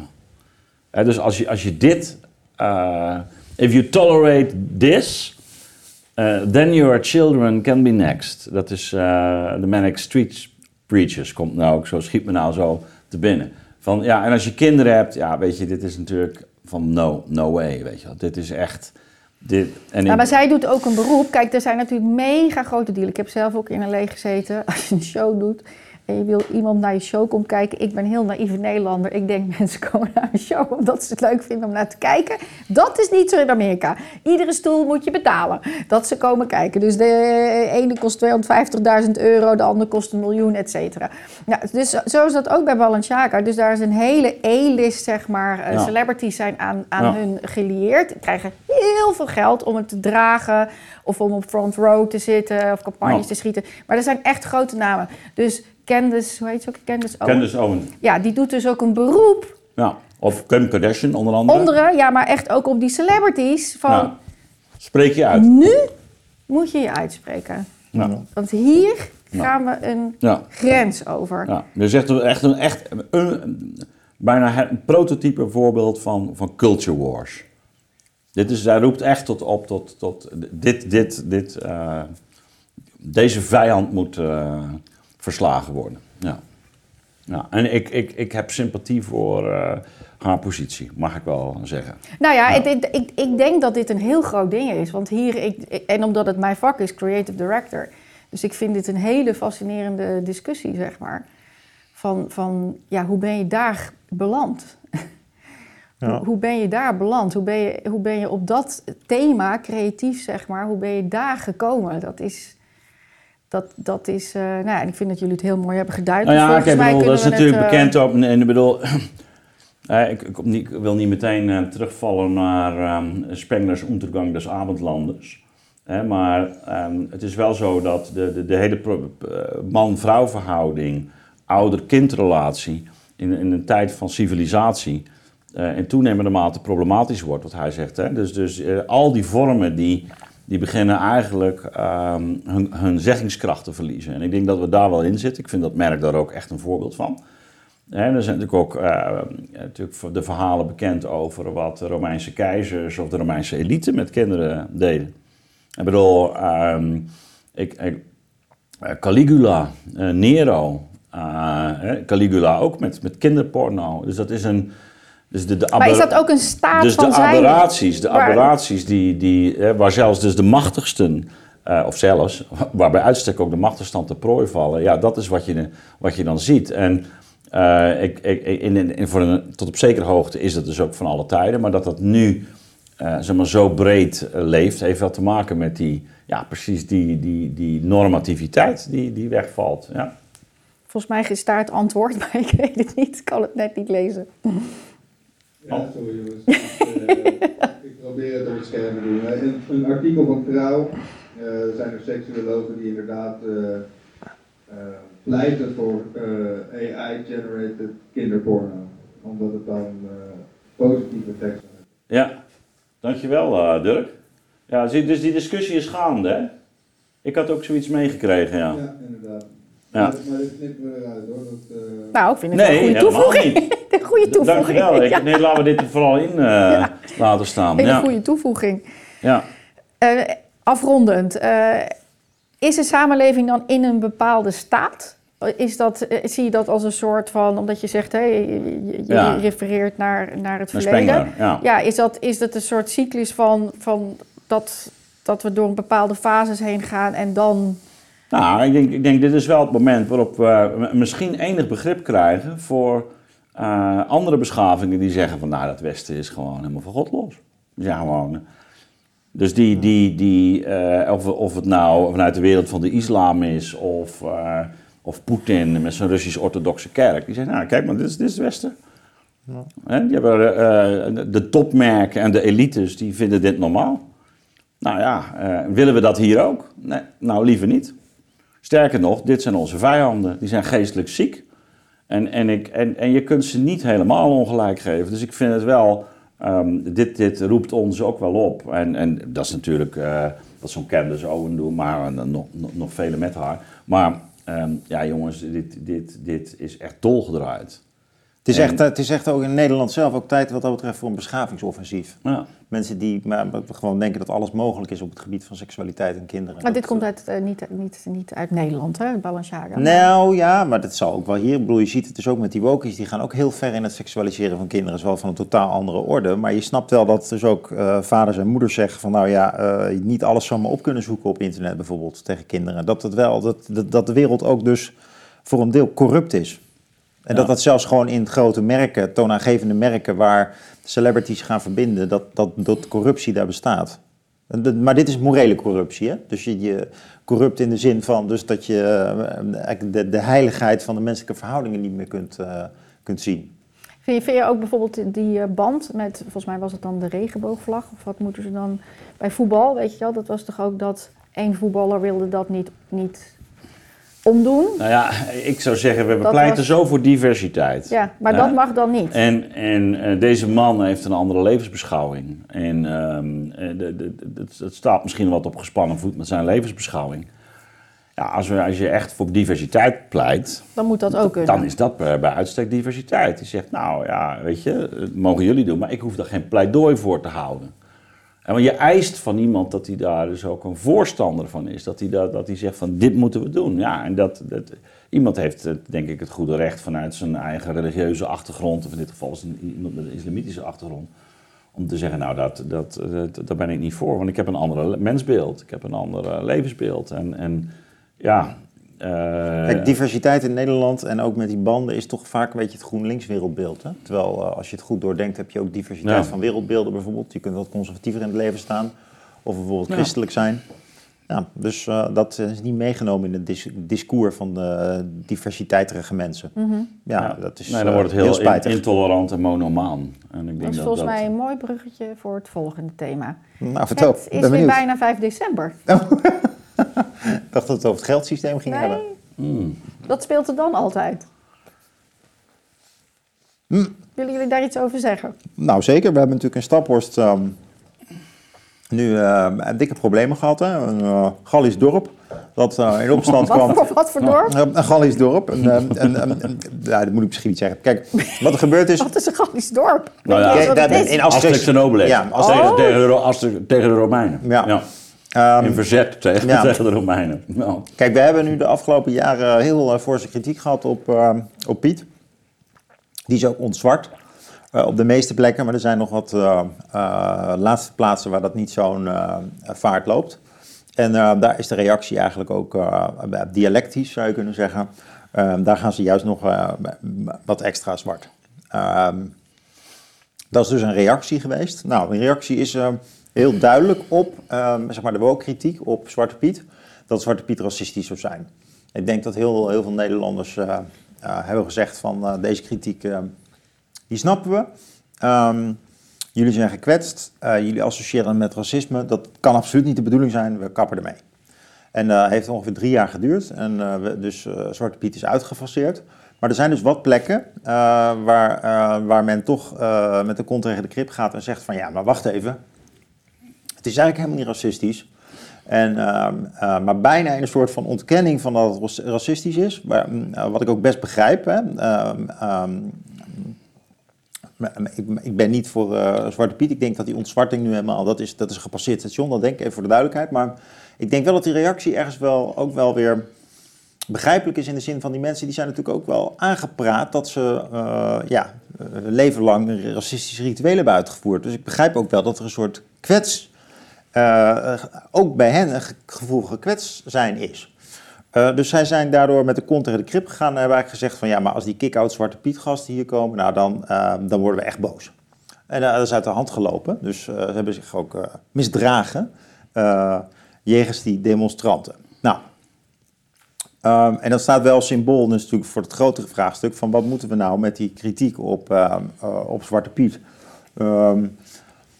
Het is nou wel heel paradoxaal geworden, want juist doordat er heel veel kritiek is, um, op uh, Zwarte Piet en iedereen er ook vanaf is gegaan en dan toch uh, met de kont tegen de krip te gaan, dan benadruk je natuurlijk wel heel erg, uh, juist op een jennerige manier, dat uh, hun verwijt. Je benadrukt eigenlijk van, nou kijk eens, ik ga me ook zwart schilderen. Nou, we hebben dat ook ehm, gezien bij de Omroep Ongehoord Nederland, hè, waar dan echt uitdrukkelijk dit, uh, dit jaar werd gesproken uh, met het N-woord. Reisa deed dat bijvoorbeeld. En dat, is echt, dat zijn provocaties die zelf dus een reactie zijn op de provocaties van de andere kant. En daarmee zijn we een beetje in een soort duivelse dans terechtgekomen in culture wars in Nederland. Mm. Um, waar ik ook wel... Uh, maar is het toch ook... Ik moet er ook wel een klein beetje om lachen, omdat het... Kijk, is het Ze doen het, die mensen doen het elkaar. Is dat ook weer niet dat, dat, dat... Nou zeker, het is het, niet alleen stad platteland, maar ook volk-elite. Ja, nee, ik denk dat de grotere spanning, die, er is natuurlijk een, een ergernis over van ja, uh, zijn er nu mensen die eigenlijk vinden dat een heel volkse familietraditie eigenlijk racistisch was. Dat kan toch niet de bedoeling zijn? We zijn eigenlijk gestopt omdat jullie het daarmee associeerden. Maar nu blijkt toch uh, de geschiedenisschrijving zo te zijn dat het een racistisch ritueel wordt. En die hele uh, groep van mensen, uh, die, die, de ene voelt, geneert zich dat dat altijd bestond en dat het nog steeds bestaat. En de andere helft is toch een beetje boos over. Die zegt van nou, dat is ook wel een overdreven kwalificatie. En die kick-out Zwarte Piet figuren die komen steeds maar weer in het nieuws en die krijgen veel aandacht. En dan ja, die voelen zich toch niet begrepen. En, en, en, ik denk dat die Staphorst dus dat uh, overdreven, hè, dus uh, bewust, hyperbolisch, um, hebben vertaald naar een tegenkritiek. Maar die, die ook op een gewelddadige manier. Dat valt verder ook niet goed te praten. Maar het is wel een, een culture war, dus de, de aanval komt ook van de andere kant. Dus het is een reactie, het is ook een symbolische aanval uh, die iets te maken heeft met ongeduld. Maar is dat, zou dat het niet snel genoeg gaat, dat het die ontzwarting niet snel genoeg gaat. Dus het is een nou, het is, ik, maar botsing. Zou je het ook niet kunnen zien van, uh, kijk, waar we het net over hadden, woke. Ik weet niet, valt Zwarte Piet ook onder woke of niet? Hoe zou je dat zien? Uh, nou, ik denk, hoe zou je dat zien? Um, ik denk wel dat de, uh, de, de, mensen die nu dus nog uh, echt uh, radicaal voorstander van Zwarte Piet zijn, dat die heel erg reageren op een zware kritiek vanaf de kant die, die we tegenwoordig woke noemen. Ja. Mm. En die zegt eigenlijk, um, Piet en Sinterklaas zijn een patriarchaal feest, die ons doet, feest dat ons doet denken aan het slavernijverleden, de oorbellen, de dikke lippen. En, um, um, en die kritiek, ja, die kun je best kwalificeren als woke. Nou, dus, ja, um, een strijd uh, in naam van de rechtvaardigheid tegen de instituties die oud, onderdrukkend, patriarchaal zijn, kapitalistisch. Ja, dat, en, en dit is dus tegengas. Maar de te- kijk, die, die kritiek die is ook wel zo fors dat je, je ehm, en zo ongeduldig dat ze ook die tegenkritiek ook wel op een bepaalde manier oproepen.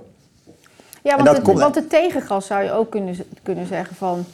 eh, we- eh, eh, ehm, Nederland of gewoon de, de samenleving is al nu best een tijd bezig om heel veel dingen te eh, adjusten of te, te, te veranderen. Te, weet je, om, Mm. om te kijken van hoe kunnen we dan met elkaar zo leven dat zo min mogelijk mensen gekwetst zijn. Ja, dat, daar kan je ook wel tegengas op verwachten. Dat dat niet gelijk iedereen, "Hup, oké, dan gaan we het nu zo doen. Nou, toch? precies. Ja. Maar goed, kijk, de, de, de hele vraag is natuurlijk eh, wat, wat dit onbehagen precies eh, inhoudt. Hè? En ik denk dat we, eh, laten we zeggen, protest tegen Zwarte Piet toch enigszins verwarren met eh, ehm, wa- wat er eigenlijk speelt. Kijk, wanneer je Wanneer Jelle zegt van ja, we hebben toch nooit een racistisch ritueel eh, uitgevoerd, eh, dan, dan heb je het eh, denk ik over een heel zuiver beginsel. Mijn ouders, die, die mij hebben opgevoed en, ehm, eh, en die altijd met Sinterklaas natuurlijk Superkleden. meenamen en, en, en wij zongen al die liedjes. Nee, dat waren geen racisten, weet je wel. Maar mijn vader was een, een christelijke man en had ook gediend in Indonesië, of is, want hij leeft nog steeds. En, eh, ik heb dat nooit op, op enige, la- mij- eh, eh, enige manier gemerkt. Hè. Dus, dus, ehm, maar het gaat er dan om, hoe kan een ander het recipiëren? Dat is al het begin. Dus het is al iets, iets opvallends, want je gaat dus... ehm, de, de schuldvraag wordt traditioneel gelegd bij de intentie. Hè? Dat is het verschil tussen dood door schuld en een moord. Dus het dood door schuld erbij misschien onvoorzichtig geweest, maar het was niet je bedoeling. Hè? Maar je kan zeggen, ja, jij bent een moordenaar, want je hebt, je hebt, je hebt iemand omvergereden omdat je te hard reed. Of eh, omdat je aansprakelijk was. Hè? Dat zou ook nog kunnen. Nou, dat zeggen we in het recht, nee, dat kan niet. Maar het interessante van die culture wars is dat je zegt van nee, ja, maar eigenlijk was het racistisch. Eigenlijk was het een racistisch. eh, nou, dan kun je wel zeggen het is een deel van wellevendheid. Als de ander dat nou zo ervaart, Ja, dan hè, passen we dan, aan. dan, dan moeten we kijken of we daar een mouw aan, aan passen. De vraag is alleen, gaat het alleen daarom? Hè? Ga- ga- Gaat het alleen om, om die Zwarte Piet? Of gaat het eigenlijk om iets, iets, iets anders? Dat mensen zich eh, in een samenleving on- onvoldoende gezien voelen of erkend voelen, eh, niet voldoende carrière maken, ehm, zich anderszins achtergesteld voelen.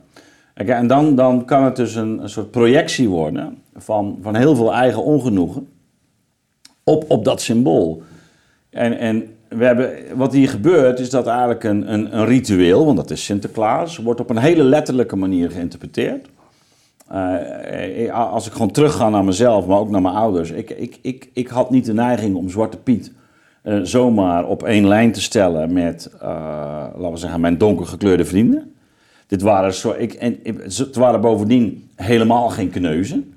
Het Zwarte Piet, ja, daar, daar had je een zekere ontzag voor, want die klommen in gebouwen en die konden jou ook meenemen. En, ehm, hè, dus er zat een. een eh, het, het, het, het, het waren geen kneuzen, even voor de duidelijkheid. Hè? Dus ik heb, ik, maar je was er een beetje bang voor, ja, maar toch? de kritiek is toch ook juist dat ze de boeman waren. Ze konden je in de zak Nee, stoppen. nee, maar ze, ze, ze strooiden ook met. En, en- en Sinterklaas die, die, die gaf uiteindelijk toch het eindoordeel hè, uit het grote boek.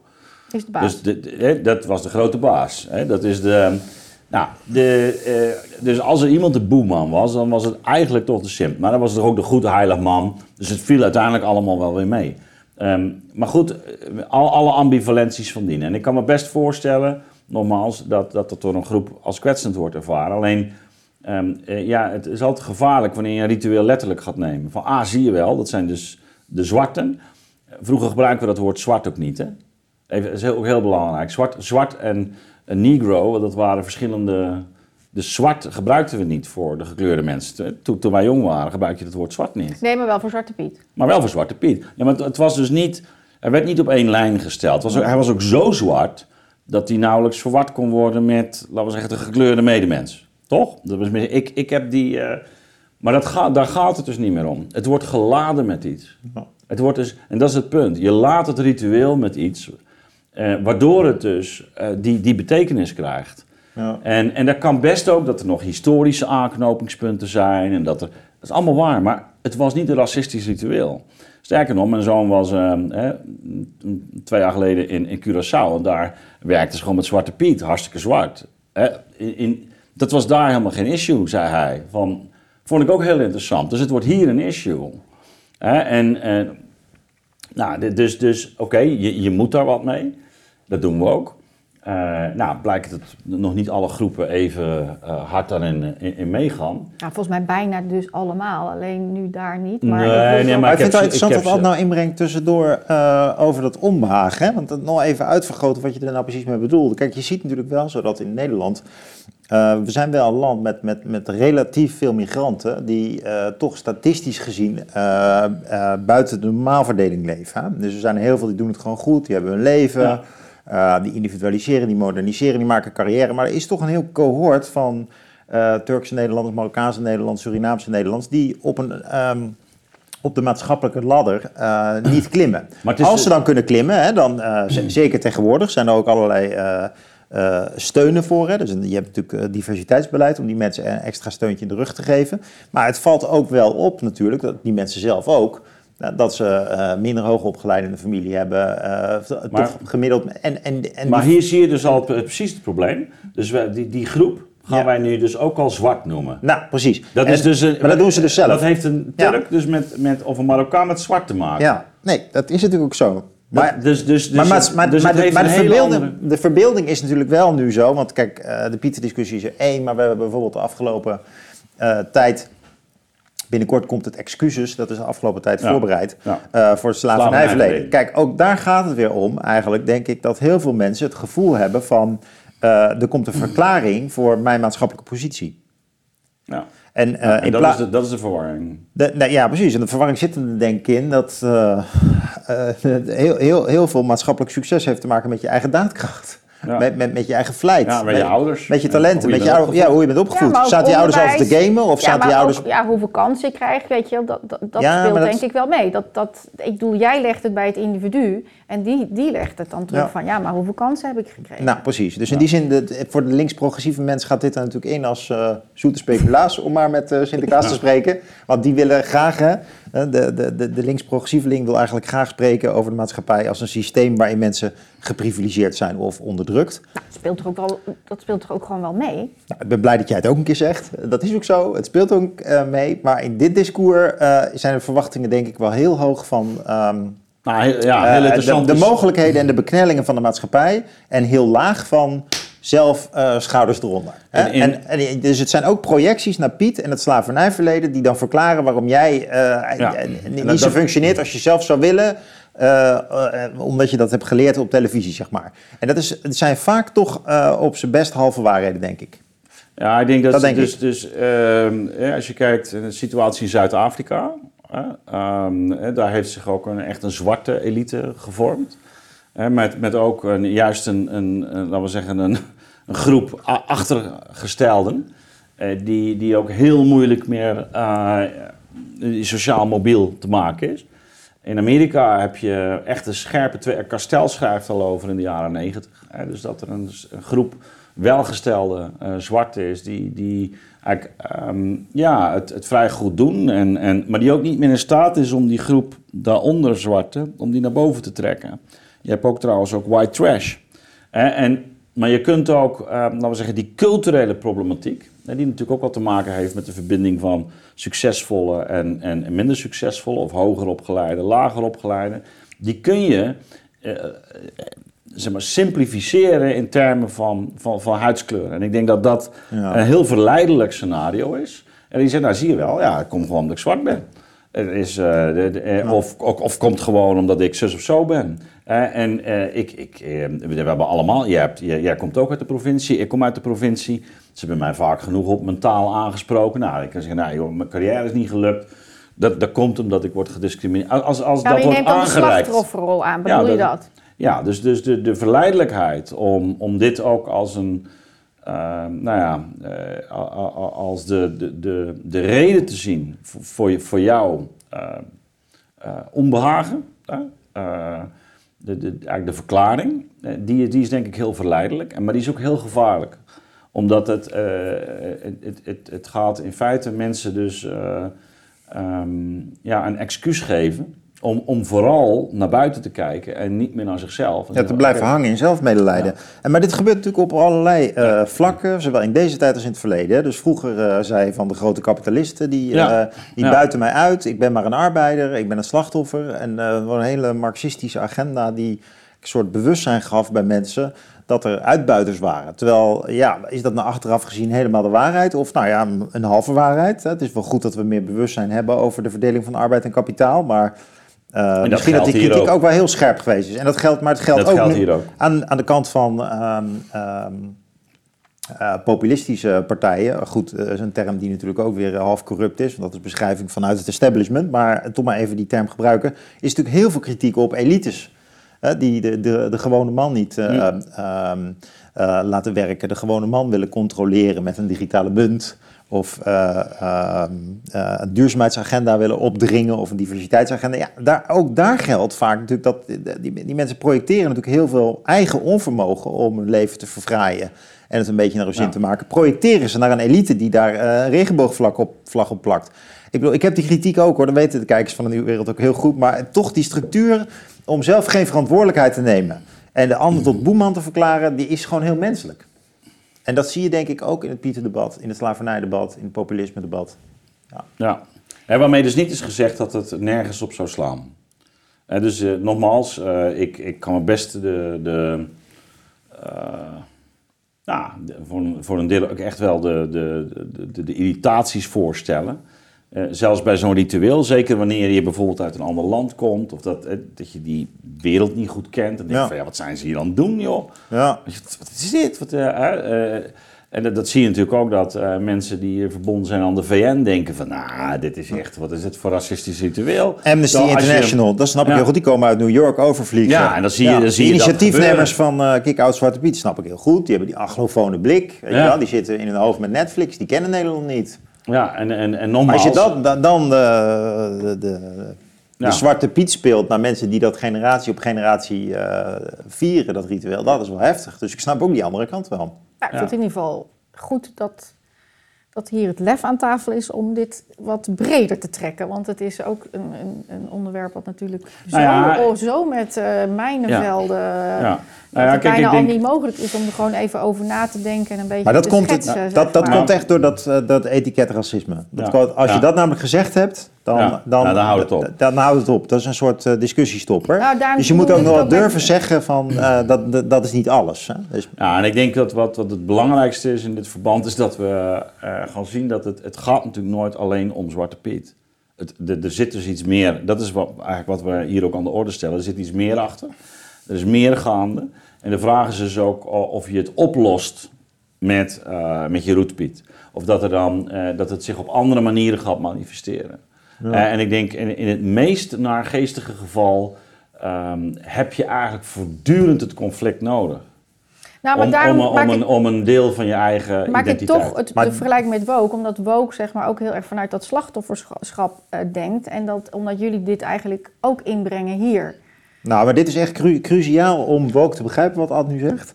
Dus eh, ik, ik, ik denk ook heel, die, die kritiek, die heeft ook iets, die zoekt een punt om kritiek te kunnen Maar het is legitimeren. gewoon de puber die ook die zijn vader wil bekritiseren, zijn- of zijn moeder. Dus Hij die is- heeft, die heeft die weerstand nodig. En als het, als het daardoor wordt gemotiveerd, en, en, en, en die- daar ben ik wel een beetje bang voor, dan houdt het dus ook niet op. Dan blijft het gewoon doorgaan, dan zoekt het weer naar iets anders en dan komt Ja. er weer iets anders tevoorschijn. En, ehm, en dan gaat het daar weer die kracht op mobiliseren. En, ehm, en nou ja, dat, dan, dan blijf je dus eigenlijk in die structuur gevangen.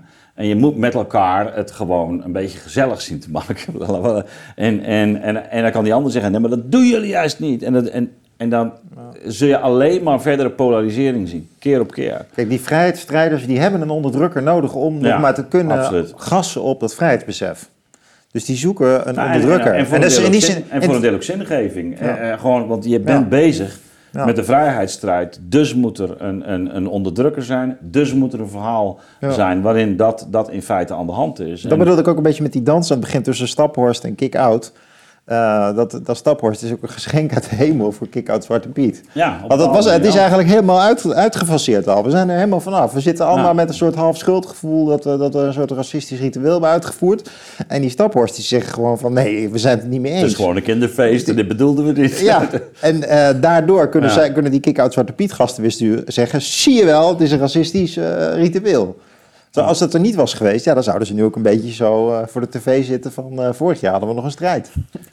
Nou, heren, misschien, heren, misschien, nog, nee, misschien nog één ding. Kijk, het grote gevaar wordt, denk ik, eh, ja, daar zitten we op een bepaalde manier al in. Dat eh du moment dat je het zo aan huidskleur gaat verbinden, wat dus in, alles in die letterlijkheid trekt, je dus ook letterlijk die huidskleur gaat mobiliseren. En dan, dan komt die, en dat is misschien een staphorst wel aan de hand, dan, dan wordt het ook van, eh, ja, nee, eh, ik, ben, eh, ik ben die witte. Nee, ze zeggen blanke, zeggen ze dan. En I'm damn proud of it.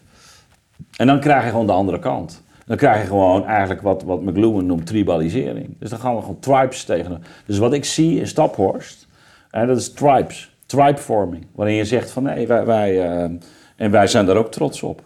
Weet je? En, en, ehm, en zoals jullie praten over blanken, zo gaan wij dan weer praten. En dat vinden we dan normaal. Maar, en hier, hier moet de media denk ik ook weer in de spiegel kijken.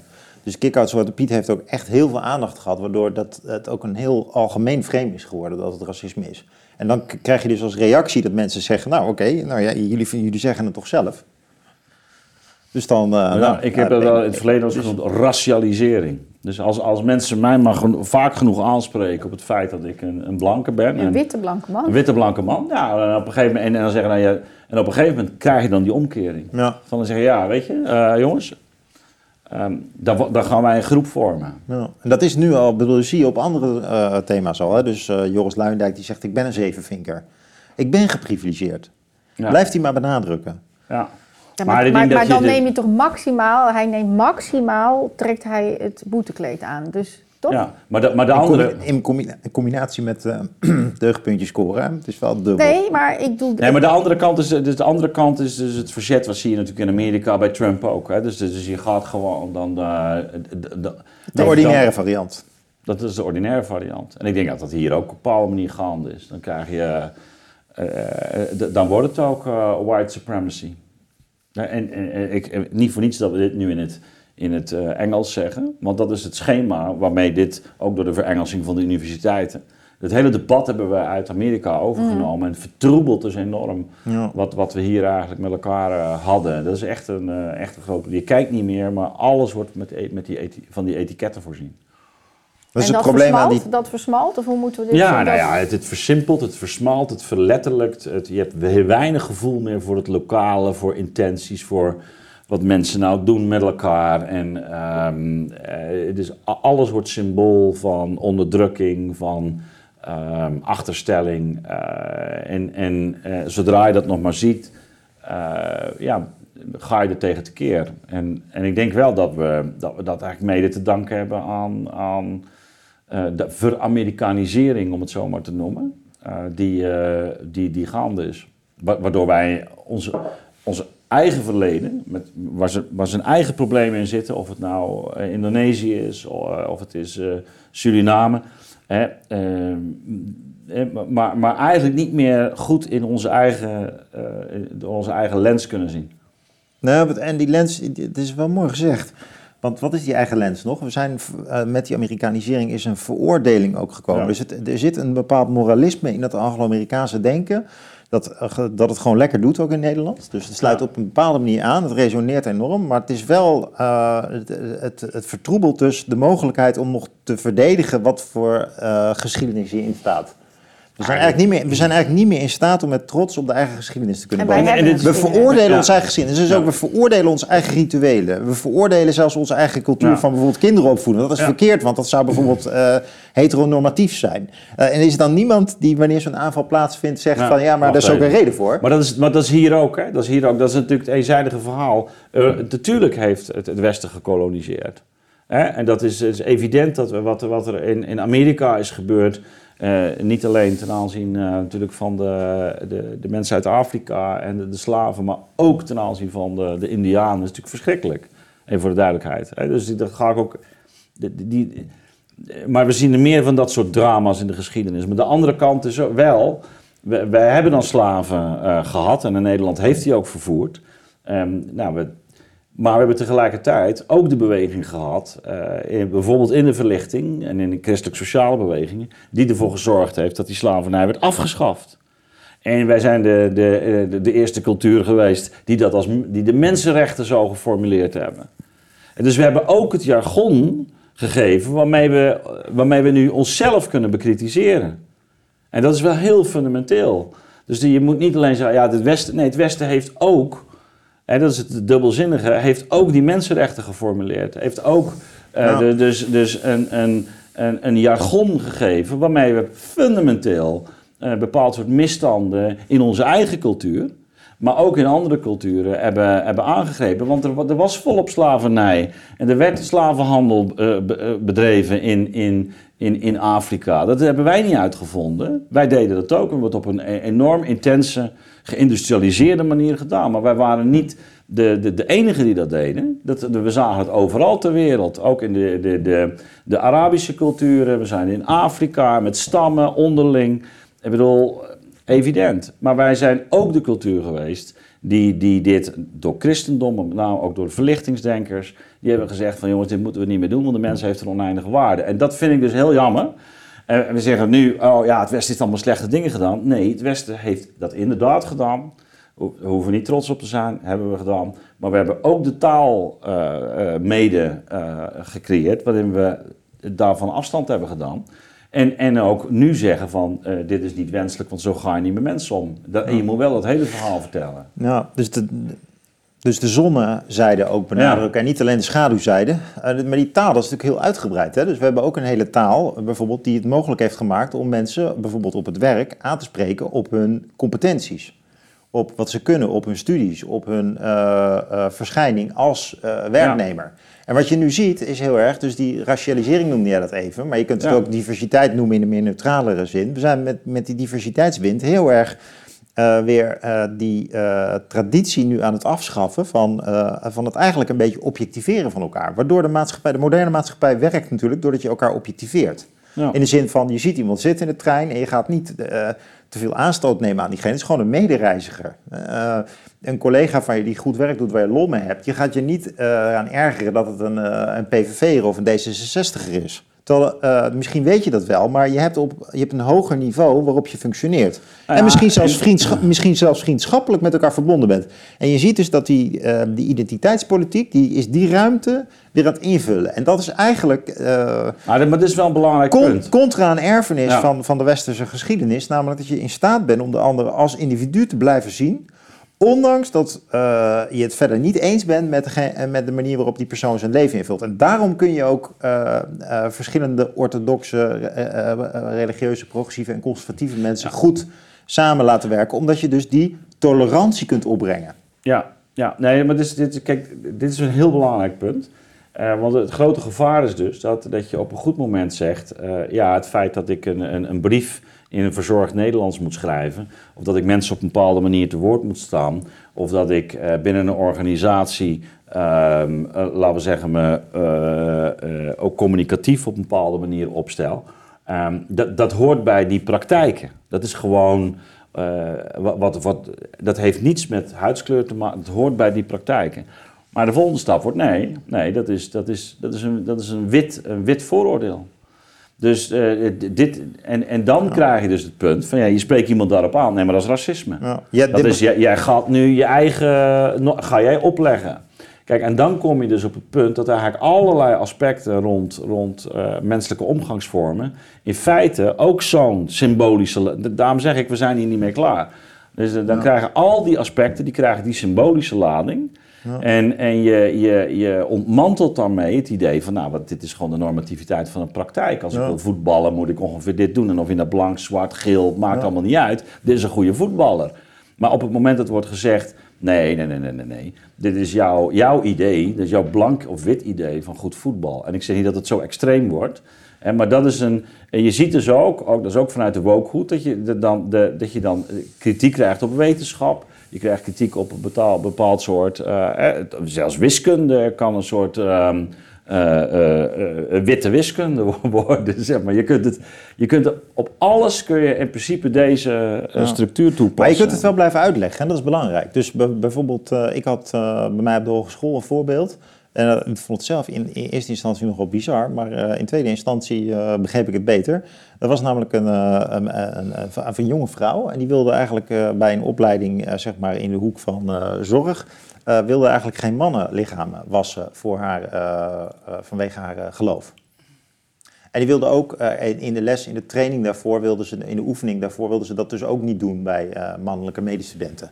En toen eh, werd ook het argument ingebracht van ja, maar dat, dat, dat past niet bij mijn identiteit, bij mijn eh geloofs... eh, dus het was een moslimvrouw.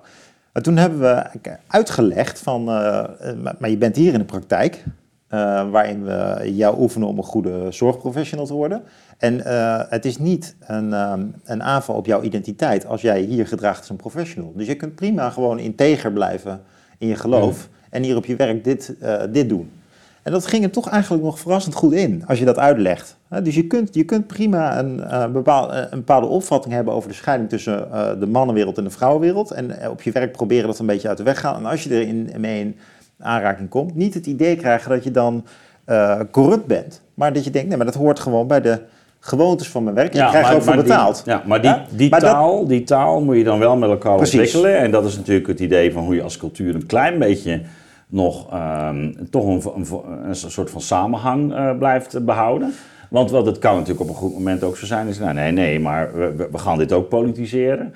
En dat betekent Nou, dat dat is het gevaar. Hè? En, en, en dan ga je op een goed moment gesple- eh, gespleten samenlevingen krijgen. En ik denk dat dat ook, laten we zeggen, eh, bij de kant van de populisten ehm, hè, een terechte bezorgdheid is. Dus dat je, dat je ziet van ja, maar dit gaat gewoon uit elkaar groeien op zo'n manier. Ehm, ja, dat je eigenlijk met verschillende werelden te maken krijgt. En, en dat die dingen die voor ons van belang zijn, eh, echt van belang zijn, dat die gewoon bij een ander, eh, ja, niet, door een ander niet meer worden gedeeld. En er is geen rationeel eh, debat uiteindelijk dat beslissend kan zijn. Hè? Ik bedoel, hoe de Grieken in, in eh, 500 voor Christus met, met hun vrouwen omgingen, ja, dat is anders dan, dan wij het doen. Ehm, eh, eh, maar het is wel zo dat, dat dat nu hier heel moeilijk een plek zou kunnen krijgen. Weet je, Ehm, terwijl het wel onze voorouders zijn, in, ze- in zekere zin. Ehm, nou, en, en, maar is er een rationele beslissing? Mm, Heel erg lastig. Maar je kunt zeggen, het, werkt, het werkt niet. En dat is natuurlijk waar landen, eh, nou ja, die, die gespleten raken, mee, mee te kampen krijgen. Je kunt niet zeggen van, nou, dit is, dit is irrationeel, dat is rationeel.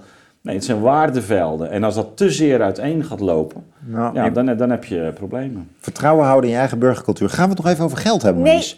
Heren, we zijn al 1 uur en 50 minuten aan het praten. Ja. Ik weet niet of jullie dat doorhebben. Ik zal graag nog even doorgaan. Ja, En alles, alle- alles komt een ik, eind. ik, eh, kan Nou ja, het leuke even, is, maar- wat ik heel erg leuk vind, is de comments. Ik weet dat jij leest ze ook, jij leest ze volgens mij wat minder. En dat er steeds meer gevraagd wordt. Hè? Geef lengte, geef, geef die uitzendingen lengte. Ja.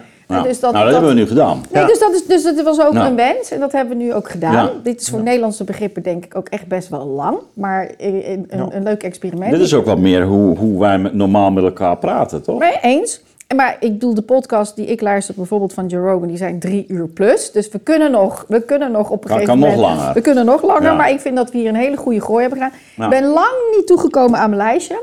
Mag ik nog wat zeggen? Ja, vooruit dan. Mm, Precies. heel goed. Ja, kijk, kijkers. Ja.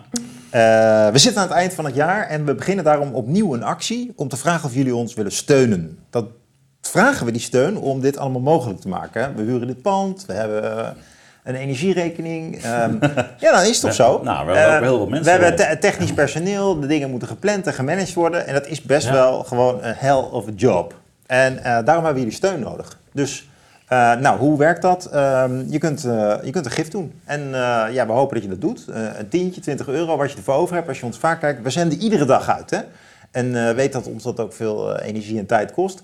Dat hoeven jullie niet te betalen, want wij doen dit ook vanuit ons eigen ideaal. Ja. Maar de infrastructuur om dit te kunnen doen, kost gewoon geld. Dus steun ons, kun je wat betalen, maak wat over. En als dat niet zo is, dan begrijpen we dat ook. Eh, want we maken dit eh, niet alleen maar voor mensen die het kunnen betalen. Daarom hebben we eh, ook deze structuur. Maar als je het kan betalen, dan doe je ons er een plezier mee. En jezelf ook, want wij gaan gewoon door.